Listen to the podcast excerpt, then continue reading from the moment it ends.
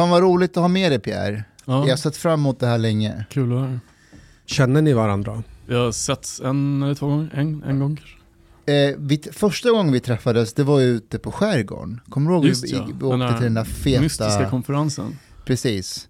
Det här, är Mm. något, det här är något år sedan, men ehm, Ett hemligt sällskap på en ja, det var på riktigt hemligt sällskap. Okej. Alltså det var Speciella jag, handslag och allting. alltså vi åkte ut i skärgården, någon ö där. Med Det- röda kåpor på oss. Okej. Ja, Alltså ö- över ansiktet? Ja, till den här ön och så kommer vi dit. Det, det är jag, det är Pierre, eh, vad hette han, Magnus Norell var också med. Var han? eh, Det kanske han inte var va? jag minns inte det. Lars Åberg var med, Eli var med och så massa andra. Så vi, vi var där över, över dagen och Mm. vi skulle prata om Ja just det, vad? situationen i Sverige typ. Ja, berätta det var.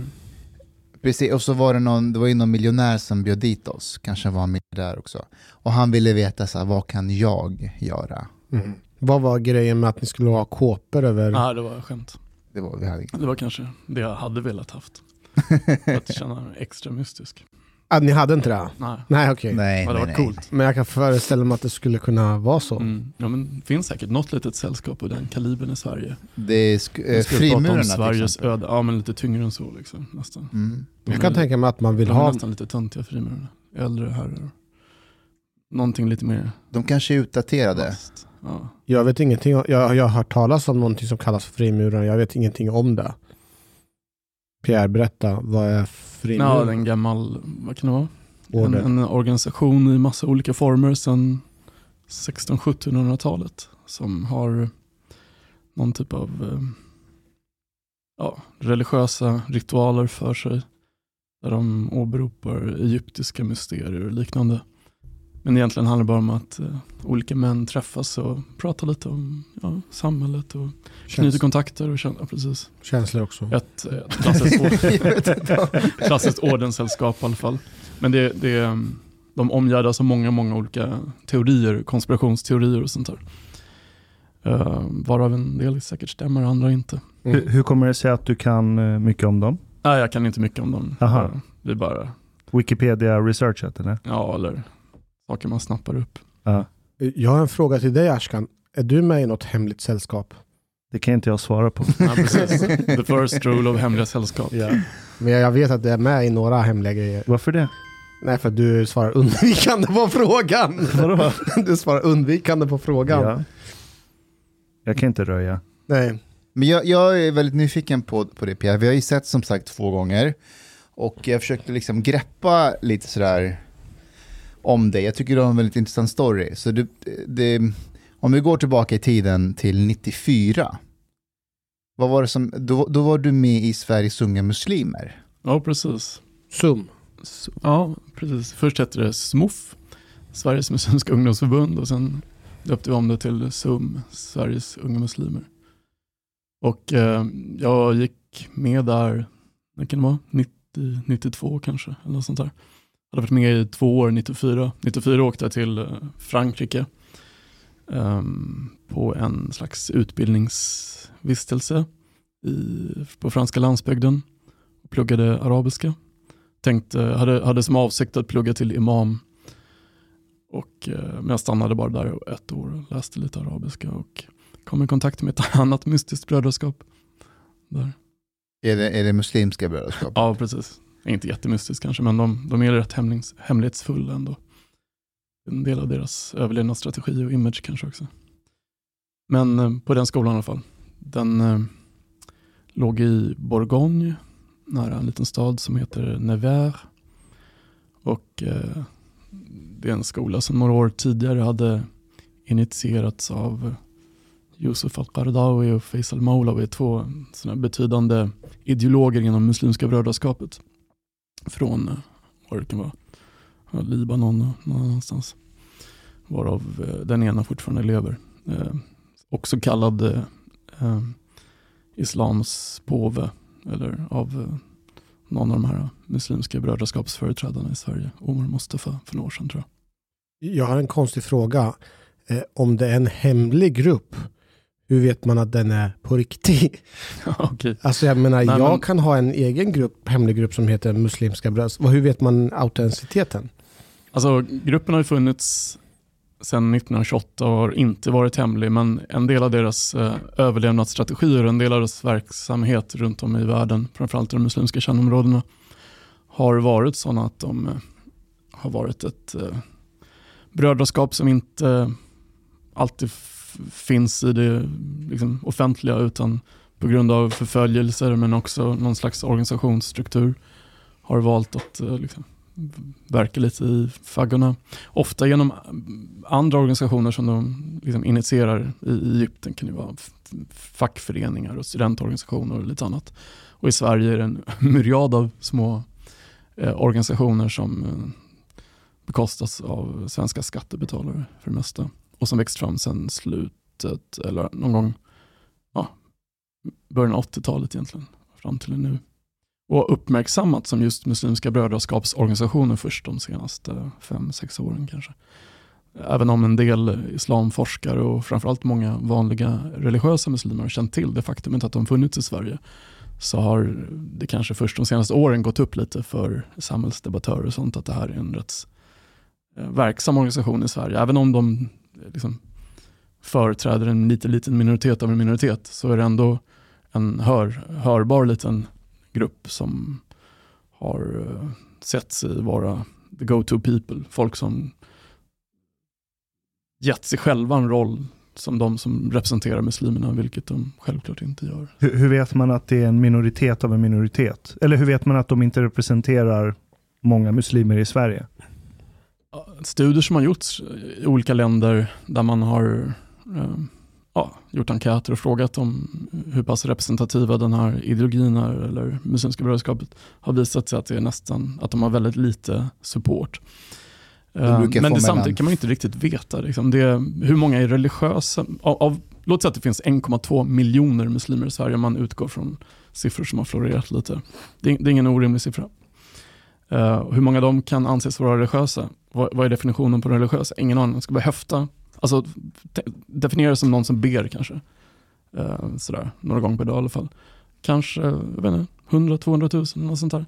Och bland dem, hur många tillhör någon typ av eh, moderat islamism, alla muslimska brödraskapet? Vad kan det vara? Jag vet inte, medvetet kanske några tusen. Eh, folk som påverkas av deras ideologi, ytterligare några tusen kanske. Så det är säkert en minoritet av en minoritet. Alltså en minoritet av en Mm. eh, religiös, en minoritet som, som tyr sig till någon typ av islamism, i den här formen i alla fall. Så, som i sin tur är en minoritet av de människor med muslimsk kulturbakgrund som finns i Sverige, som kan anses religiösa. Som i sin tur är en minoritet av alla som har Jag har tänkt på det. liksom. Jag har hängt på en del så här, eh, olika muslimska forum på Facebook. Och där tycker jag också att det blir slående att det finns ingen enhetlighet. Det finns ingen liksom gemensam kraft, utan många är muslimer. Men det finns ingen som liksom, alltså de följer inte någon specifik, utan det är alltid allmän diskussion kring diverse olika grejer, huruvida det är haram eller halal att ens söka och vara polis och så vidare. Mm. Mm. Ja, det är en brokig skara liksom, som man kommer från massa olika länder och det är svårt att sammanfatta hela den här gruppen med, med någonting annat än att de har muslimsk kulturbakgrund. Att liksom ens definiera dem som muslimer as such är också lite svårt, men någon, någon koppling till en muslimsk kulturbakgrund. Och sen vad de har för liksom olika identiteter. Ofta så snör man in just på den här religiösa identiteten när ofta, vad kan det vara, ens yrkesmässiga, soci- socioekonomiska, etniska eller någonting annat är mycket viktigare för de flesta. Jag tänkte innan vi kommer till eh, Muslimska brödraskapet i Sverige, om vi går tillbaka till 94, du är med i Sveriges unga muslimer, du är ordförande till och med, Nej, sekreterare. sekreterare. Du åker till Frankrike, kommer Mm. i kontakt med Muslimska brödraskapet. Mm. Jag tänkte om du kunde berätta, vad är Muslimska brödraskapet? Vad står de för? Mm. Och hur, vad hände när du kom i kontakt med dem i Frankrike? Ja, just. Ja, Muslimska brödraskapet är en organisation som bildades eh, 1928 i Egypten av Hassan al-Banna. En lågstadielärare, typ, eller skol, en, en, en lärare i alla fall, som, som eh, var lite förbittrad på den eh, brittiska ockupationen och som eh, kände någon typ av revanschlust, någon slags revanschism, ville få tillbaka islam som det stora det stora räddande paketet som skulle få sitt folk liksom på fötter och sådär undan brittisk kolonialism. Och så. Muslimska brödraskapet är, är en eh, modernistisk reaktion på moderniteten någonstans. Alltså en, ett modernt fenomen, lite grann som fascism och kommunism och andra sådana totalitära ideologier just på den tiden på 20-talet, liksom början av 30-talet, som, som tog avstamp mot den stora, de stora förändringarna i sin samtid, men samtidigt gjorde det på ett väldigt modernt sätt. Och just Muslimska brödraskapet var liksom de som skapade den här varianten av islamism som, som Ikhwan, alltså Muslimska brödraskapet, Eh, som heter Ikhwan al-Muslimin på arabiska, som islam, eh, Ikhwan iscensatte och som sen har spritt sig. Så att man kan säga att Muslimska brödraskapet är som the mothership of all islamisms. Det är där någonstans alla liknande islamistgrupperingar, oavsett om det är mer så kallade moderata eller mer liksom militanta, har sitt ursprung. Och den här organisationen ja, växte i antal från Egypten så spreds den till, till, andra länder och i vissa länder slogs den ner rätt brutalt. Såg som oppositionell, i andra länder lierade den sig med makten tillfälligt eller permanent. Vart slogs de ner som exempel? Som... I Egypten bland annat, så, okay. uh, lite senare. Uh, det, det är i alla fall en organisation som, som, eh, som fungerar lite grann som, som frimurarorden eller något klassiskt sufiskt brödraskap. Att den är väldigt hierarkisk. Det finns en, en, en ledare i, som kallas Morshed al-Am, alltså den generella eller vägledaren och sånt där översatt eh, till svenska. Och som är deras ledare och sen finns det liksom ett förtroenderåd av slag och massa olika positioner och eh, nivåer av medlemskap. En väldigt hierarkisk organisation. Hassan Labanna influerades i sin tur lite grann av, av de klassiska sufi-ordrarna. Men eh, ideologiskt, innehållsmässigt så är det rätt stor skillnad på Muslimska brödraskapet och de flesta sufi-ordrar, även om det finns likheter också. Sufis är väl mer så chill, Ja, hippie-falangen av islam, eller? Ja, jag vet inte. Det är väl om man jämför med alla andra islam så blir de ja, ja, men precis. Alltså, sufier, sufier i Pakistan har liksom äh, ja, sprängt bomber och slaktat och sånt där. Det finns okay, alla möjliga skummisar. Men generellt så brukar det vara lite lugnare, mer folkliga, äh, mindre ortodoxa islamtolkningar. Men även där finns det ju äh, massvis av olika myriader av tolkningar av just sufism. Och det är det, när man pratar om islam som världsreligion eller ens Muslimska brödraskapet eller sufism, alla de, här, alla de här ämnena så är det ju så oerhört eh, många olika fraktioner, tolkningar, åsikter, sekter och sånt där att hålla reda på hela tiden. Så att det blir, det blir ofta en svår, svår penetrerad djungel där man ofta får hemfalla till att generalisera för att överhuvudtaget kunna prata om det. Men i alla fall tillbaka till Muslimska brödraskapet så, så är det här en organisation som eh, ehm, ja, ville någonstans återupprätta islams storhet och återinföra sharia, eh, liksom islams eh, lagsystem. Sådär. Och eh, framförallt inte stå under utländsk, i det här fallet brittisk dominans. Och var mer eller mindre militant i vissa har varit militant, är fortfarande militant i någon form, ehm, men också rätt ehm, alltså, kompromissvänlig och, och, sådär. Så att de alltid hittar eh, lösningar på problemen. Ofta är det människor med medelklassbakgrund, klassiska ingenjörstyper, liksom, eh, som söker sig till de här islamistiska, islamistiska organisationerna. Um, och den här gruppen har då i takt med att eh, den muslimska migrationen har liksom etablerat sig i Europa under liksom 50 år, och sånt där, bland annat i Frankrike, också kommit hit. Och den har till och med organiserats så pass att, att de olika länderna har fått sina egna små muslimska brödraskapsorganisationer så globalt sett så finns det en ledare i Egypten, det finns också liksom den, den lite tyngre organisationen i Egypten. Men sen har den knoppat av sig till massa olika små organisationer. Så det är, är ändå den här planetens största moderat islamistiska organisation. Dessutom, som jag sa tidigare, upphovet till i princip alla andra så kallade islamistiska organisationer runt om i världen. Och eh, Den har funnits i Sverige sedan 80-talet någon gång. När du säger upphov till andra organisationer, är, är det inklusive till exempel Al-Qaida, ja, Isis? Det är rubbet? Ja, och upphov i den här bemärkelsen att, att deras ideologiska plattform har in, sen inspirerat liknande radikaliserade grupper. Ah, okay. och, um, det vill säga att använda våld?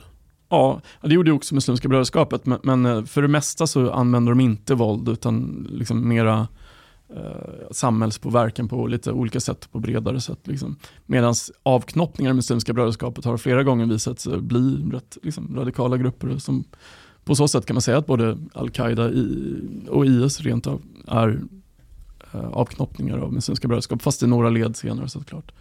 Eh, däremot kan man inte riktigt eh, eh, klassificera dem som, som samma typ av islamism idag, utan det, bara, det finns en ideolo ett ideologiskt ursprung från Muslimska brödraskapet och vidare till de här organisationerna. Så eh, tillbaka till min egen historia. Då, så att 94 hade jag fått ett litet stipendium från, från eh, en organisation som heter Förenade Islamiska Församlingar i Sverige, det vill säga en av de föreningar som Muslimska brödraskapet står bakom i Sverige. Eh, och eh, betalt av dem så åkte jag till Frankrike där jag under ett år eller ett halvår höll på att lära mig arabiska och insåg inte riktigt att den här skolan var dominerad av, eller styrd av Muslimska brödraskapet förrän några månader in på min vistelse där. Hur? Hur? Jag kopplade ihop ett och ett och förstod att det fanns någonting som var liksom en organisation bakom organisationen så att säga.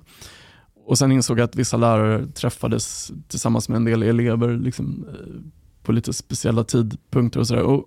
Efter några månader så blev jag introducerad, rekommenderad av två elever som jag lärde känna som inte var fransmän, eller, alltså kom fransktalande utan kom från eh, den brittiska kultursfären.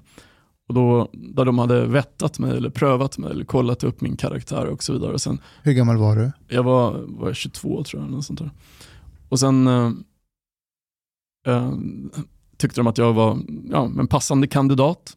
Sen blev rekommenderad att eh, gå med och fick någon typ av betänketid och sådär. Och blev då lite smickrad av det. Liksom en, en rätt cool hemlig organisation som ändå hade liksom en, en, en islamuppfattning som jag sympatiserade med i stora delar. Så att vid något tillfälle där eh, på vintern 94 så bjöds jag av skolans rektor till en stor villa utanför eh, den här lilla byn som heter Saint-Leger de Fougeray. En liten by som hade en muslimsk eh, skola där ett litet slott faktiskt, väldigt vacker mm, byggnad som de hade, jag vet inte, köpt på något sätt. Kanske oljepengar eller petrodollar eller något sånt där. I alla fall så, man fick inte avslöja att man skulle till den här skolan, till de här mötena, så att man blev ombedd att gå lite eh, randomiserade promenader åt lite olika håll. Så där. Sen kom det en, som om man bara skulle gå ut och ta en liten promenix och sen helt plötsligt kommer en sån här liten van och plockade upp alla elever som liksom bara tog en promenad och körde dem till den här villan. Och där så träffade jag skolans rektor och lite andra människor från lärarkåren. Fick svära en ed på Koranen och eh, ja, upptog sig den här... Det här låter precis som Squid Game. Squid Game. Är det inte det? Alltså de kommer med vanen och plockar upp den och sen ja. så går man dit och så ja. binder för. Ja, jag, jag hade inga ögonbindel men jag har inte sett Squid Game men jag har förstått att det, det är någonting. Jag måste bara fråga dig, ja. de här två britterna som vettar dig för mm. att säga att du är cool.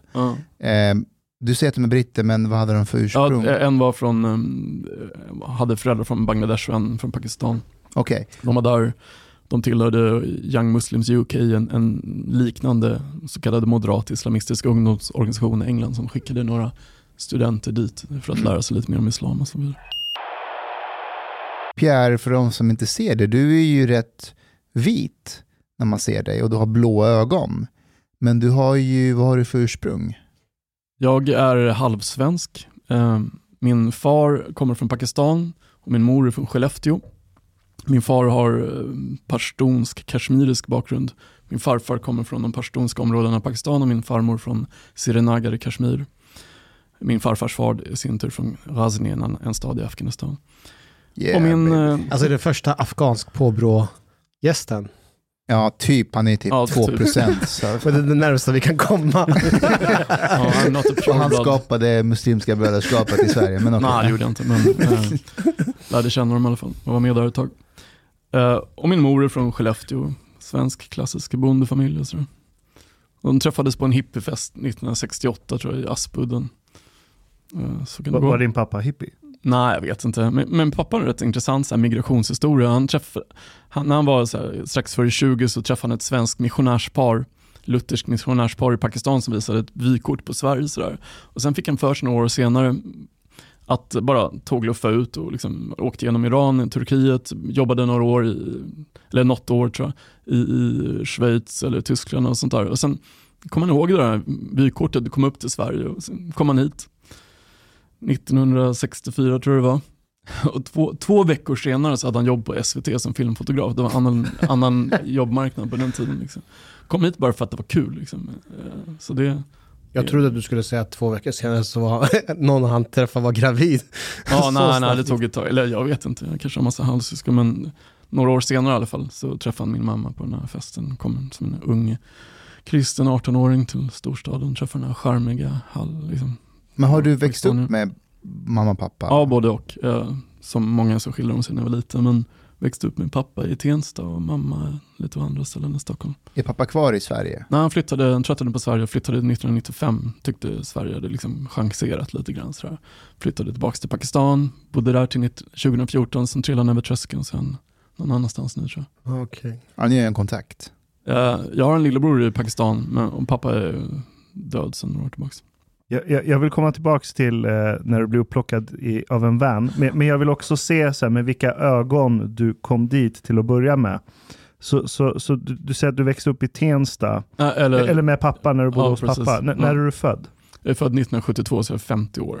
Okej, okay, så det här är innan Tensta blir det vi kall, alltså ser Tensta ja, det, för idag? Det var typ greker och turkar och ja. fortfarande en stor del etniska svenskar som bodde i Tensta. Greker och turkar. Så, så din, jag undrar, din törst eller efter islam, eller vad, din inspiration till att söka dig till islam, vart kom den ifrån? Alltså jag, jag växte upp mest med mamma. Mamma äh, blev eh, pingstvän någonstans tror jag efter mina föräldrars skilsmässa. Så jag växte upp i pingstkyrkan, Citykyrkan på Wallingatan i Stockholm.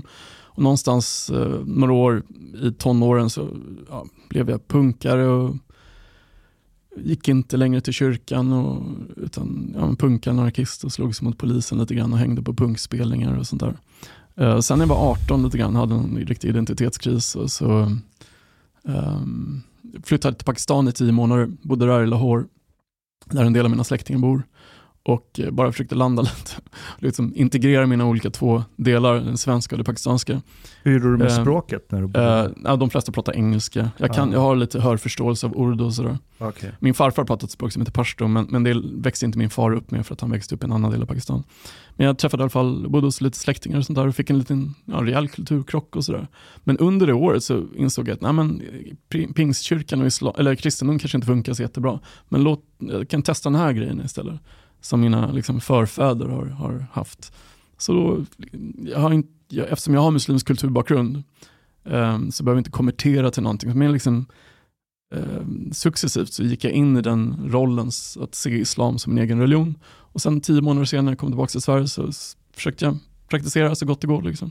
Var 18 år, eh, fortfarande liksom inte lämnat det där tonårsspåret riktigt. Men gick successivt in i den muslimska scenen här och uh, hängde lite grann i en moské i Husby där jag lärde känna uh, den här organisationen som då hette Sveriges Unge, Muslimska ungdomsförbund och som jag sen blev med i och satt i deras styrelse i tio år som en av deras liksom, ja, organisatörer. Får jag fråga, eh, den organisationen 94 eller 92 där du är med, ja.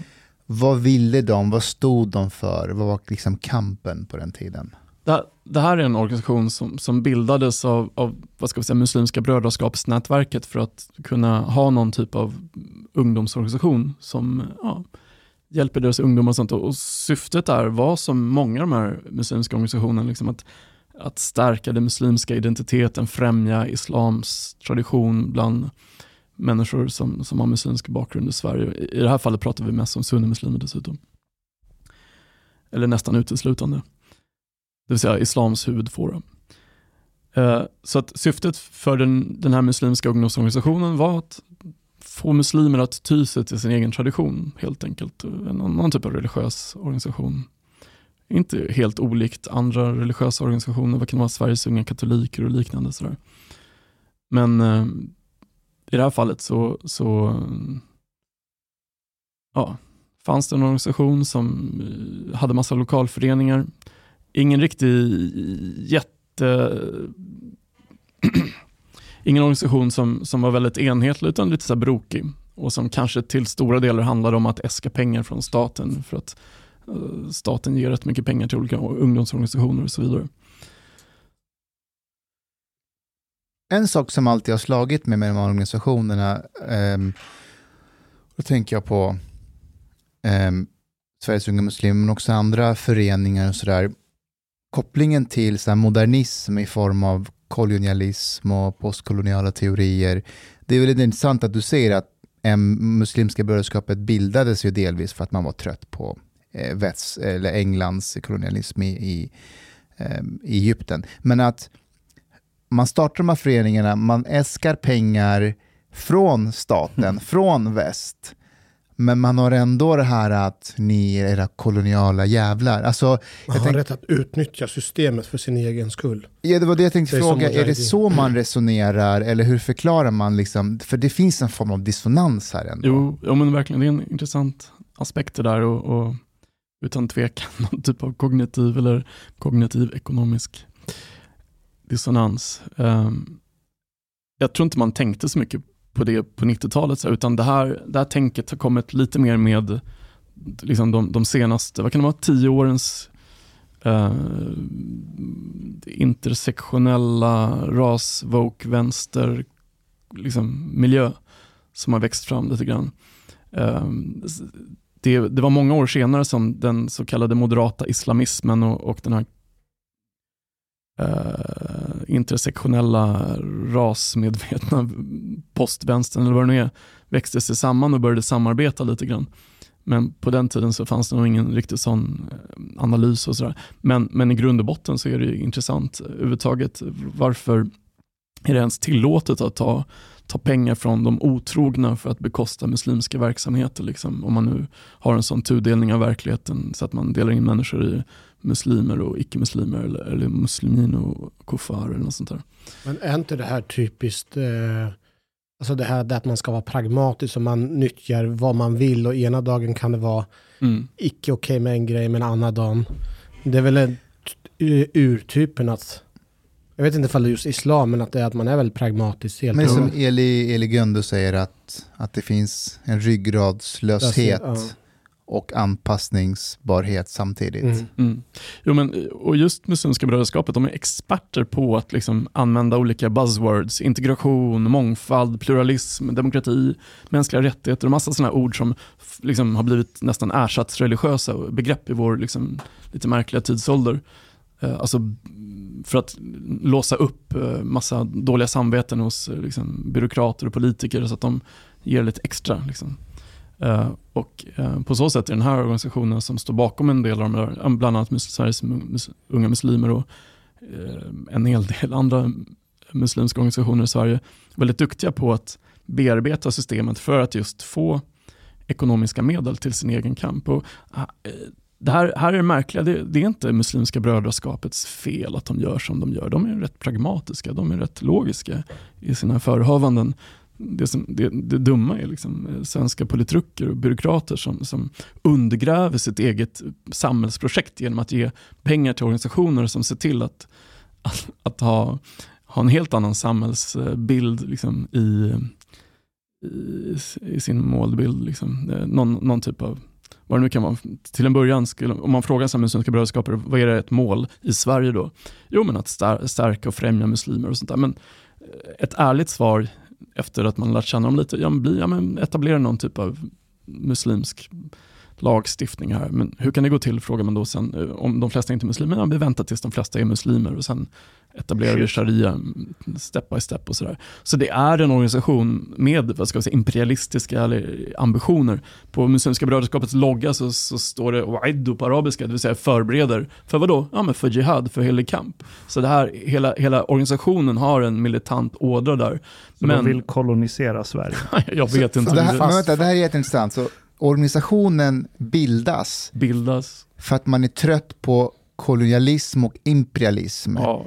Av väst. Av väst. Men det innebär inte att den egna kolonialismen... det är det här jag menar. Fast för att man själv vill nu, eller alltid velat, det, det, det är en maximalistisk, expansionistisk organisation som många andra islamistiska grupper. Har man sanningen varför, och, och, varför ska man inte sprida den? Islam är det bästa receptet på den här moderna världens liksom, ja. vedermödor. Och då, gör, då gör vi människor en, en tjänst om vi sprider den här, den här islamtolkningen, den här religionen. Så att, enligt Muslimska brödraskapets alltså, mer ärliga apologetik skulle det handla om att vi gör Sverige och svenskarna en tjänst om ja. vi etablerar en typ av eh, för, förnuftig variant av sharia här för att få liksom, en del av, av det här kollapsade samhällsprojektet på, liksom, på fötter igen. Ungefär så kan de tänka. Men, eh, nu kanske Men det skulle förutsätta att de flesta enligt dem var, hade, var muslimer och det är de inte. Alltså när man hör det här så kanske man blir lite rädd men jag förstår inte vad problemet är. Alltså om man är religiös och framförallt muslim, det är väl liksom i grundtesen att vara muslim, att, att islam ska spridas överallt. Det, är liksom, det spelar ingen roll ja, det finns en del religioner som inte är speciellt missionerande, men islam och kristendomen är två missionerande religioner. Och det ligger liksom latent ja. i de här religionerna att tror man på sin egen grej så vill man sprida sanningen. Ja. Och det gör man för att man inte vill liksom, an, andra människor ont, utan för att man tror att det här är det bästa för dem. Liksom. Alltså det finns ju sådana jättehemska exempel också på missionär, missionärer som, alltså, som åker till Afrika för att hjälpa fattiga barn och så. De gör ett fantastiskt arbete när de du vet, ger dem mat, medicin mm. Eh, och vatten och så. Och de är oftast kristna också. Men det finns också grupperingar som åker till Afrika och så är de så här, innan de ger mat och, och vatten så är de så här, erkänner du Jesus som din och gör de inte det så får de inte mat och vatten. Men är det inte så med Sverige också? Jag vet, det är hemskt. Sverige håller på med bistånd. Så här, mm. Erkänner du mänskliga rättigheter? här är kondom. Nej, men, Använder du, inte. Du har, du, har faktiskt, du har faktiskt helt rätt. Och inte för att relativisera här. det, det, är ju vad väst hållit på med också. Men vi hör inte det när vi säger att nej, men vi ska invadera Irak och störta Saddam och installera demokrati. Ja. Det är egentligen exakt vad Muslimska brödraskapet vill göra. Skillnaden är att islam ryms inom västerländsk demokrati, västerländsk demokrati ryms inte inom sharia. Så jag vet ju vilken sida jag väljer där. Men vi är ju lika expansionistiska av oss också. Fast vi har rätt. Mänskliga rättigheter, feminism, jag tycker vi har rätt. Ja. Jämställdhet, vi ska vara med ut och sprida jämställdhet. Ja, men det är samma sak. Ja. Du har helt rätt. Erkänn det... mänskliga rättigheter så får du kondom och en pannbiff liksom. Ja. som är gjort på nötfärs dock. jag vill gå tillbaka till, till Frankrike. Och vad händer där? Hur länge är du där? Och vad händer när du kommer tillbaka till Sverige? Ja, precis. Jag, jag blir invigd i, i Ikhwan al-Muslimin i Muslimska brödraskapet eh, vintern 94. Sen eh, är jag där en termin till, eh, tröttnar lite grann, inser att de här tjommarna har inte riktigt koll. Jag vill liksom inte gå någon lång imamutbildning när de här snubbarna inte verkar ha koll på hur Europa funkar. Så jag åker hem till Sverige. Kan du ge några exempel på när du bara, shit, de har inte koll? Nej men, alltså, det, vad ska jag säga, jag kan inte ge några konkreta exempel, men bara känslan att de, det här är liksom eh, lite så här, eh, burdusa arabtyper som, som har en föreställning om hur väst funkar och den västländska demokratin, den västländska kvinnan och den västländska krisen och mannen och allt det där. Men det är egentligen bara stereotyper inser jag där. Och, och de, de, kan liksom inte riktigt etablera ett islam som skulle funka här i Europa. Det var jag intresserad av. Jag, jag var religiös muslim, jag, ville att, jag tyckte också att islam var, liksom, det var ett botemedel på den här moderna världens eh, knasigheter och tänkte, insåg att då behöver man också presentera islam på ett sätt som, som når, når fram till människor här. Så att det kan, kan bli någonting de känner igen sig i. Men att de här muslimska brödraskaperna kanske inte, de här araberna helt enkelt inte hade så koll på Europa. Vad var deras stereotyp av Europa? Ja, men det, det är så att dekadenta, dekadenta kvinnor, lössläppt sexualmoral, um, du vet, hel, ett vad ska jag säga, reaktionärt konservativt sätt att se på en del av den moderna världens eh, företeelser och där är Sverige säkert som ett av de mer moderna samhällena på planeten. Eh, också, Höll du med i det här? Eh, ja, jag hade väl, jag hade en rätt... Eh, Syn på kvinnor till exempel. Jag hade en rätt konservativ eh, kvinnosyn och, och så, jag liksom försökte så gott det var att vara praktiserande religiös muslim och det ingår liksom i eh, religiös praktiserande islam av den sorten att man har en rätt konservativ syn på familj och könsroller och ditten och datten. Och sådär. Däremot tyckte jag inte att de här arabiska tjommarna hade så bra koll på hur Europa funkade och vad som skulle kunna vara gångbart och här. Utan ja, men lite ett stuk präglat av sin egen kultur. Liksom. Men att eh, det inte funkade. I alla fall så insåg jag att, att jag inte ville bli imam i alla fall i deras eh, eh, sammanhang så att jag flyttade tillbaka hit. Men var då ungefär under två år medlem i den här eh, muslimska organisationen. Sen någonstans slutet... Alltså SUM? Eh, eh, nej, i, i Muslimska brödraskapet. SUM var jag redan med i, Sveriges unga muslimer. Men efter två år så insåg jag att det här inte var min my cup of tea eller my cup of kahwa eller något sånt där.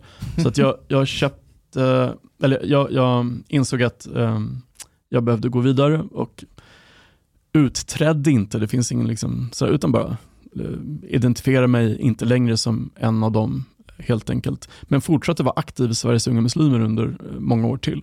Så att jag hade fortfarande en väldigt stor kontaktyta med hela den organisationssfären som var under inflytande av Muslimska brödraskapet.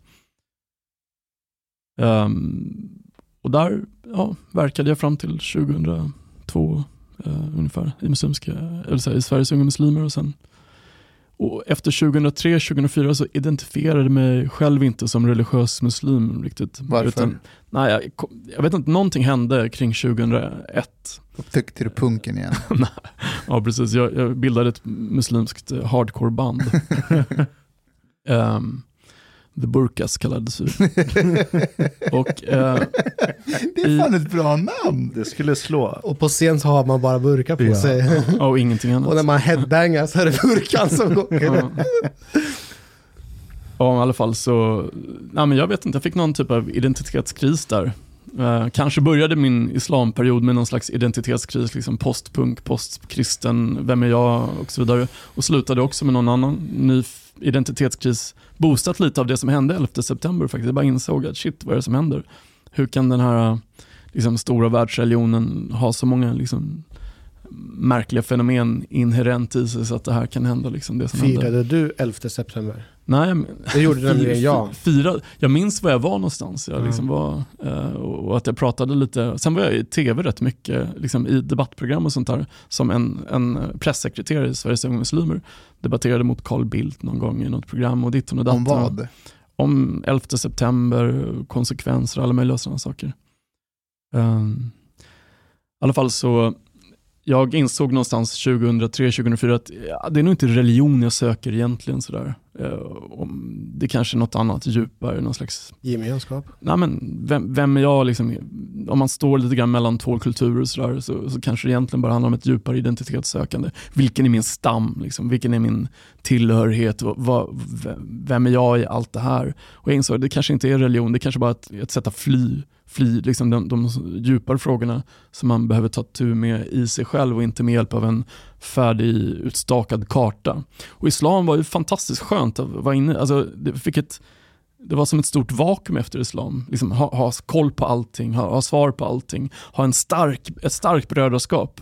Eh, alltså, då menar jag inte muslimska brödraskapet här, utan eh, mina vänner som var muslimer som man umgicks med liksom, flera gånger i veckan. Sådär. Eh, och att, att, kast, att kasta sig ur det där självmant innebar i sin tur liksom en rätt stor förvirring. Sådär. Men också nödvändig för att jag insåg sen att eh, det där var kanske inte den kartan jag riktigt behövde vidare i livet. Utan nu ser jag det som att jag, jag har muslimsk kulturbakgrund, jag har kristen kulturbakgrund, men jag är inte religiös i, i bemärkelsen att jag ger mig själv ett epitet och sådär. jag vet inte ens om jag tror på Gud eller inte. Och det är inte relevant. Jag tycker religion är ett intressant fenomen. Det ett, ett av mänsklighetens största kulturfenomen. Så verkar funnits så länge vi varit människor, liksom religiösa ritualer och sådär.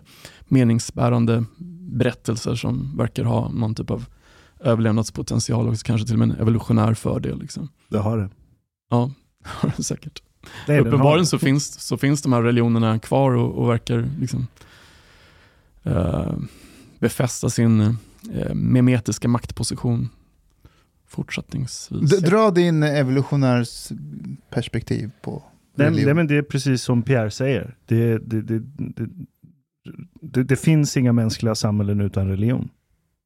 Du kommer aldrig hitta det. Du kommer aldrig hitta ett mänskligt samhälle utan axiom och dogmer. Och kallar de inte religion så finns det ändå fenomenet där. Det är bara att de, ja men vad det nu kan vara. Ja men kristna på 1500-talet kallar Sverige inte... på 2022-talet, eller vi, idag så kanske vi inte ser att vi är dominerade av en stor religion, men vad har vi då? Ja men vi har den representativa demokratin, vi har mänskliga rättigheter, vi har den moderna eh, liksom medborgarskapsidentiteten som, som är väldigt religiös. De är heliga ideal. De är heliga ideal. Liksom det här är, det här är så här lutherska post, postkristna protestanter som, som liksom verkligen eh, är religiösa utan att ha en, en organiserad religion som man vågar kalla religion. Den är väldigt organiserad. Vi, var, var, fjärde år går vi och lägger en lapp i en låda, vi, mm. vi, ja, vi, vi, firar Gape, Pride och det är massa sådana här små saker. Men det är som alltså, för 500 år sedan, om du var kristen, du kallar inte dig själv för religiös. Nej. Du bara kallade alla andra för barbarer. Ja, för att kristendom var default state. Mm. Och nu, vi i väst, vi ser oss själva som default state och kallar alla andra för primitiva. Och antivaxer.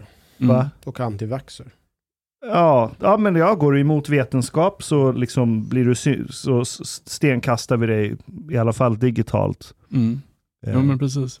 Men eh, okej, okay, så du lämnar hela det där. Eh, fann du det du sökte då? Nej, jag vet inte riktigt vad jag, jag har inte riktigt klurat ut vad jag sökte. Är du en grubblare? En grubblare? Ja, Som kanske. ja, kanske har en liten grubblande år, ådra. Men eh, jag insåg bara att, att religion i, i den bemärkelsen att, att ett färdigt koncept som kristendomen i någon variant eller islam i någon variant, det var inte riktigt min grej. Um, sen, sen, jag vet inte, en del av mina vänner skulle nog kalla mig religiös. Jag, jag är intresserad av religion, jag är intresserad av de här frågorna. För du är ju teolog. Nej, jag har någon liten kandidatexamen i, i teologi. En liten kandidatexamen. Um, men jag har inte uh, gått vidare i studierna efter det, men, men tyckte det var intressant att plugga lite. Och, Eh, religionspsykologi, religion och så vidare. Så det här ämnet har alltid fascinerat mig. Jag tycker det är intressant därför att det är en så viktig del av mänskligheten.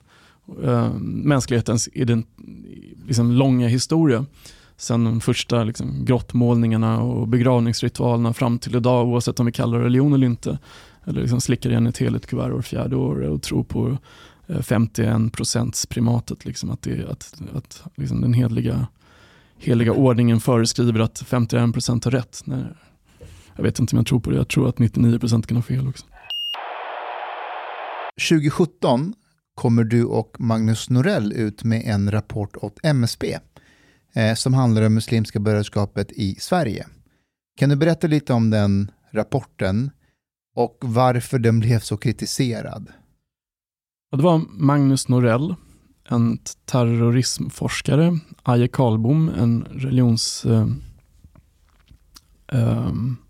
eh, eh, ja, eller han har lite breda forskningsfält, ett forskare i alla fall från, från Skåne, som har forskat lite grann på, på is, islam och islamism och eh, etnicitet och liknande. Och jag själv, en ja, ung, eller inte ung, men en medelålders student Eh, Eh, som, som var lite eh, inbegripen i, i liksom diskussionen kring islam och liknande. 2017 så fick eh, eh, Magnus Norell, Aje Karlbom och jag själv uppdraget av Myndigheten för samhällsskydd och beredskap att eh, skriva en slags forskningsöversikt eller en slags introduktion till fenomenet Muslimska brödraskapet i Sverige. Och Det var inte en, en vetenskaplig rapport as such. Det var mer en, en liksom översikt för att grunna på hur kan man gå vidare. Vad är det vi ser, inte ser, vad vet vi, vad vet vi inte. Men för att det här ämnet är så jäkla, jäkla känsligt. Um, islamism, islam, invandring, vad det nu kan vara. I, i ett av de mest liksom, eh, känsliga länderna i västvärlden Eh, kring sådana frågor tror jag, i alla fall hittills, så, så blev det, det, det blev som en, eh, ja, det tog fyr helt enkelt. Och, och, en del av forskningsvärlden reagerade väldigt mycket på att det här var en ovetenskaplig liten text, eh, att det här var eh, massa påståenden som inte var, kunde vederläggas och så vidare. Um, när det egentligen bara var ja, men, eh, vad kan man, 20-30 sidor liten text som, som bara diskuterade ämnet och försökte ringa in hur man skulle kunna gå vidare i att forska. Vilket sen också hände. Förutom den här kritikstormen som väcktes av, av människor som kanske, ja, jag vet inte, som islamologer och religionsvetare som hade pluggat och, och, och doktorerat och studerat islam i 20-30 år utan att kanske kallat spaden en spade. Det vill säga att de visste att den här gruppen fanns här. De visste att fenomenet var viktigt att diskutera men hade ändå inte gjort det av olika skäl. Kanske för att det var känsligt, kanske för att de inte ville eh, liksom, förstöra relationer med olika informanter, eller vad det nu var. Det, det här påminner om en annan yrkesgrupp som också har sett olika fenomen i samhället genom åren, men inte forskat kring varför det sker. Kan det vara kriminologerna i Sverige? Förlåt, fortsätt. Ja, men, men precis. Så att eh, 2017 så var det någon liten sån eh, kontrovers om den här eh, Får jag bara säga, rapporten, rapporten vad handlar den om? Rapporten handlade om Muslimska brödraskapet Sverige och, och ringade in lite hur länge de hade funnits här och vilka organisationer som eh, är deras huvudorganisationer. Pekade ni ut specifika ja, organisationer? Ja, vi pekade ut eh, Sveriges unga muslimer, Islamic Relief, eh, Studieförbundet Ibn Rushd och eh, Islamiska förbundet och lite andra Vad pekar ni ut dem för? För som, som delar av, det muslimska brödras, som, av Muslimska brödraskapets nätverk i Sverige, mm -hmm. som organisationer som har växt fram ur, ur deras plattform helt enkelt. Och eh, eh Det var bland annat sådana här saker som, som eh, också eh, väckte kritik. Hur, hur, kan man påstå det här och så vidare. För det är väl ganska viktigt för en nationalstat att veta att det finns en expansiv mm. religiös organisation som vill införa sharia som finansierar vad som på ytan anses vara mänskliga rättigheter och organisationer. Ja, precis. Jo, men, eh, så att 2017 så skrevs en liten, liten eh, sån forskningsöversikt, eller man ska säga, kunskapsrapport. Och sen några år senare så fick Aje Karlblom, bland annat, en av de här tre personerna, eh, uppdrag att fortsätta eh, fördjupa diskussion, eller forskningen och det är väl ett, eh, tack vare att den här rapporten 2017 fick sånt genomslag. För att trots att en del eh, kritiker rackade ner på den som ovetenskaplig och annat, vilket jag inte tycker att den var, för, eller den, den ut, utgav sig för inte för att det var något liksom, stort eh, vetenskapligt verk, utan bara en liten enkel rapport helt enkelt. Men trots kritiken i alla fall så fick den rätt stort genomslag bland människor som läste den och myndigheter och, och liknande. Och det ledde till att, att en del fördjupningar eh, kunde äga rum, som bland annat den som Aje Karlbom skrev lite senare. Och Det är ett forskningsprojekt som dessutom fortsätter för att just försöka förstå fenomenet Muslimska brödraskapet och inte bara i Sverige utan i Europa. För det är inte så att dessa organisationer i Sverige är ett isolat utan det är ett, en del av ett nätverk som koordinerar sin verksamhet i Europa. Där dessutom Sverige har varit ett av de länderna som har eh, varit eh, ledande i organisationen organiserandet av samma eh, ideologiska ramverk även i andra europeiska länder. Eh, så att eh, här, här, har vi faktiskt ett rätt intressant, eh, en intressant grej att svenska aningslösa politiker och tjänstemän, byråkrater, svenska skattebetalare har liksom sponsrat och hjälpt en av världens största islamistiska organisationer att bygga sin europeiska maktbas mitt under näsan på en, under hur många decennier som helst så har staten, och inte bara sta Sverige utan andra stater i Europa, eh, pumpat in pengar för att bygga upp en organisation som bokstavligen vill undergräva ens eget projekt. Det, så att, men alltså förlåt, nu är jag kanske jävligt dum, men jag förstår inte vad problemet är. Alltså jag förstår inte varför det är så, ah, varför ska vi vara, varför så jävla alarmistisk? Vad är problemet? Problemet är väl att... Eh, det är en organisation, en muslim, religionsfrihet. Problemet, problemet är egentligen att varför ska vuxna överhuvudtaget få en enda skattekrona för att gå runt och tycka någonting eller tro någonting? Oavsett om det är ideologiska eller, eller religiösa organisationer. Att skattebetalare sponsrar ett fotbollslag eller en scoutkår för ungdomar, det är väl en bra sak. Men varför ska överhuvudtaget en enda krona gå till en vuxen människa som har en kyrka, moské, ett tempel eller vad som helst eller ses det som konservativ eller vänstertjom eller vad som helst. Liksom. Jag köper det att just kontroversen att, att staten ska sponsra sånt med just Muslimska brödraskapet. oh, varför ska vi vara rädda för muslimer? vad finns det för dokumentation av deras historia som gör att vi bör vara oroliga för. Jag tror inte man ska vara rädda för Muslimska brödraskapet eh, och eh, faktiskt de flesta islamtolkningar utan bara försöka förstå hur de agerar och sånt där. Och hotet, om man nu tycker att det finns ett hot från Muslimska brödraskapet är väl mer att de, att de eh, skapar parallellsamhällen, att de någonstans undergräver den, den, den, den rådande gemensamma berättelsen.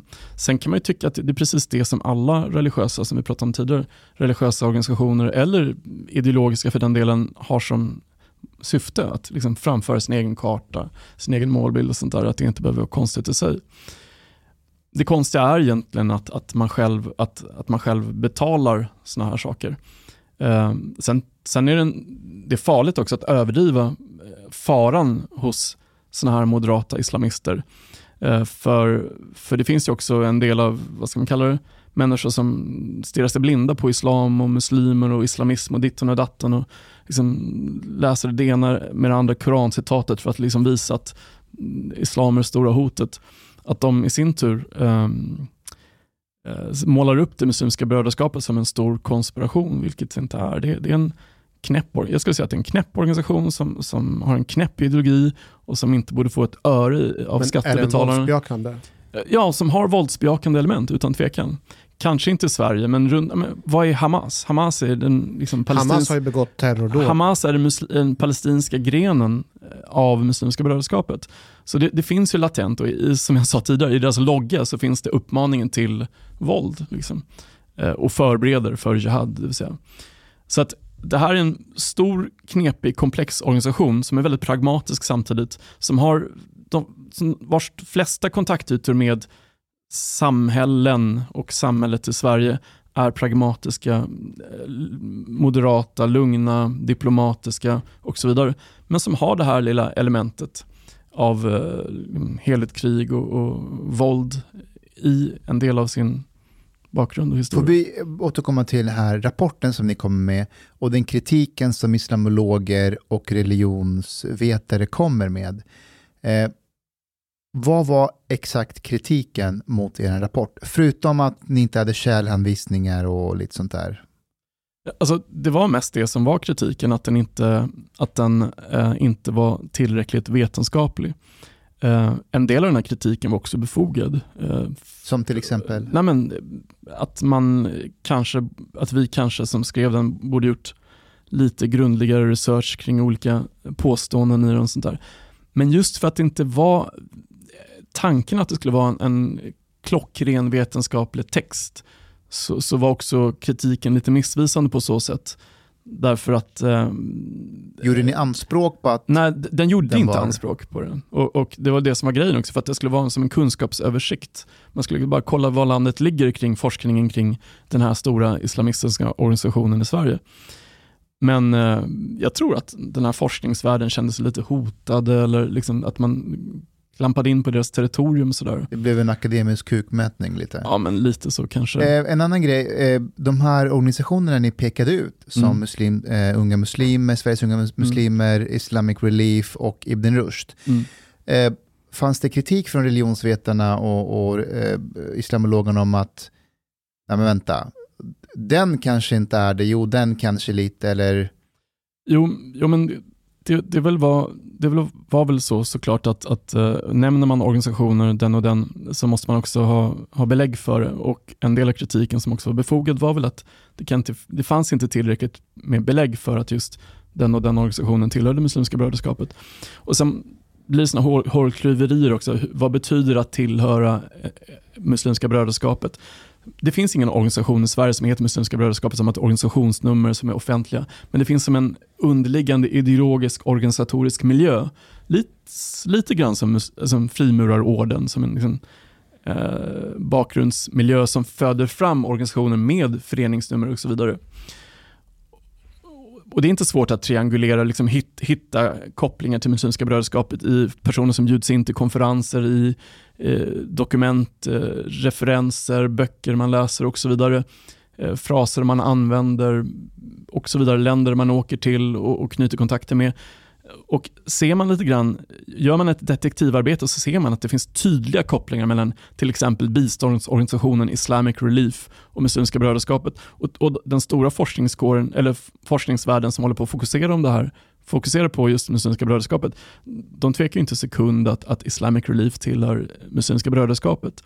Eller att eh, ehm, eh, olika samma, muslimska samarbetsorganisationer i Europa Eh, där också Sveriges unga muslimer är med, där Sveriges, eller Islamiska förbundet i Sverige är med, är en del av Muslimska brödraskapsnätverket. Eh, utan det, det var väl så att den svenska eh, forskningen, eller snarare debatten om det här var lite efter en del andra länder där det var mycket mer klartext. Och, och, eh, Varför man... har inte religionsvetarna, islamologerna i Sverige släppt en sån rapport tidigare?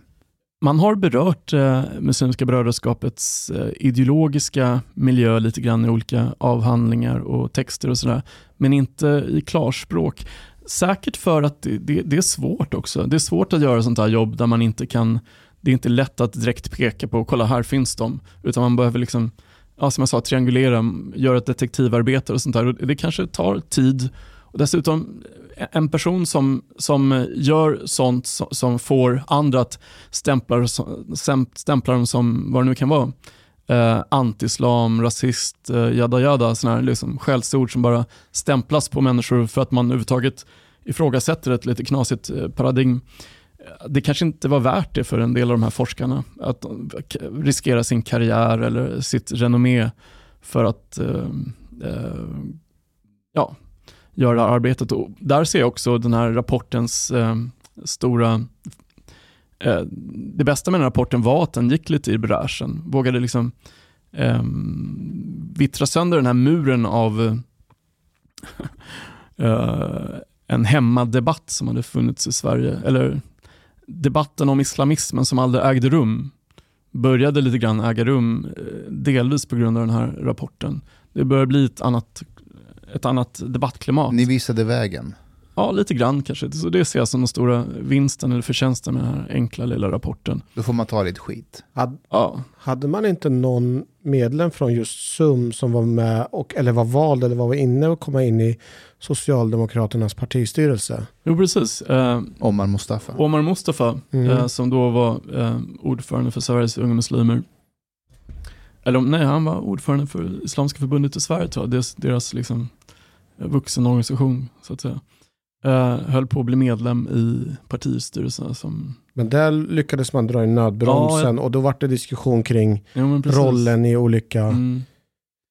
Ja, men det, det har varit lite sådana debatter. Um, en, en sak som Muslimska brödraskapet ofta brukar anklagas för är att vara entristiska, det vill säga att man vill uh, infiltrera, få mm. inflytande i olika politiska sammanhang och organisationer.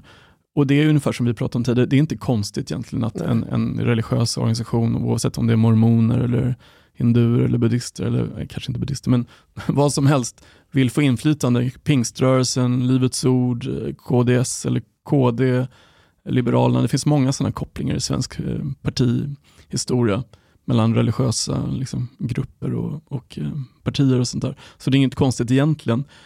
Men eh, det är också en del av den pragmatiska eh, religion, politiska miljö som Muslimska brödraskapet har ver varit verksam i, att de, de ser de en möjlighet så tar de den.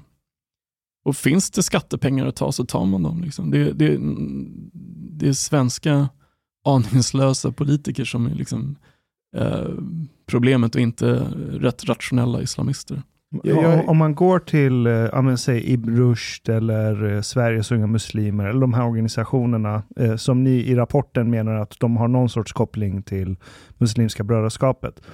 Eh, hur stor andel, du behöver inte säga någon siffra, men hur många i de här svenska organisationerna är medvetna om att de har ett samröre? Hur högt upp i ledningen behöver du vara för att veta om de här sakerna? Och det är en bra fråga. Ofta, de här organisationerna som du nämnde och som vi nämnde här är alla initierade, bildade av, av det nätverket då som, som Muslimska brödraskapet utgör. Men det betyder inte att alla medlemmar i dem är medvetna om att det här är en sån vad ska jag säga, frontorganisation för Muslimska brödraskapet. Och Det är ofta kanske en liten del av styrelsen eller några hand, handplockade personer. Det kan vara någon enstaka eller några som, står, som är i maktposition såklart. Som, som är initierade, som en del invigda i Muslimska brödraskapet. Hur många människor finns det med, med i Muslimska brödraskapet? Då? Jag, jag, vet inte, för, för många år sedan så kunde jag höfta det till kanske 600-700. Jag vet inte om de är fler eller färre idag. Men det är ingen stor organisation, eller stor, stort nätverk, men de har en väldigt stor räckvidd i form av olika sådana frontorganisationer.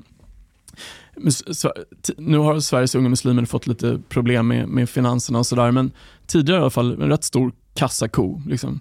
Men också Islamic Relief, en biståndsorganisation som har fått väldigt, väldigt mycket pengar från Sida. Så att, och sen lite färre, mindre liksom, pengaströmmar från en del andra organisationer, Ibn Rushd och en del såna, eh, eh religiösa moskésammanslutningar och liknande. Så att några av de här människorna i nyckelpositioner har varit medlemmar, medlemmar i Muslimska brödraskapet och, och väldigt många inte. Uh, och Det viktigaste för Muslimska brödraskapet är inte att liksom få in alla i sin organisation, utan få att alla som verkar i den miljön att ska säga, dansa efter deras pipa snarare. Få inflytande men inte liksom, öppna upp sig för varenda kotte. Har, har du, eh, jag måste bara fråga, du, tänker du att du har lämnat islam helt? Alltså jag, jag vet inte, jag har inte en sån så svartvit bild av, av, eh, kanske religion och in och utgrupp. Så eh, Jag säger, som jag sa tidigare, jag har muslimsk kulturbakgrund och kristen kulturbakgrund. Jag är halvpakistan och halvsvensk. Eh, jag identifierar mig inte kanske som muslim eller kristen, och, och, men skulle jag åka till Pakistan och träffa min lillebrorsa där i Islamabad och, så skulle jag följa med på fredagsbönen utan tvekan. Vore det ramadan så skulle jag fasta med dem. Gör jag det i Sverige? Nej. Men jag följer med min mamma på nattvarden i hennes kyrka också. Hon är diakon i Svenska kyrkan för övrigt. Så att, eh, liksom, men för det mesta så, så, använder jag inte mig av religiösa ritualer, i alla fall inte religiösa islamska och kristna. Sådär. Utan ser det bara som ja, något, någonting man kan, jag kan vara lite flexibel inför.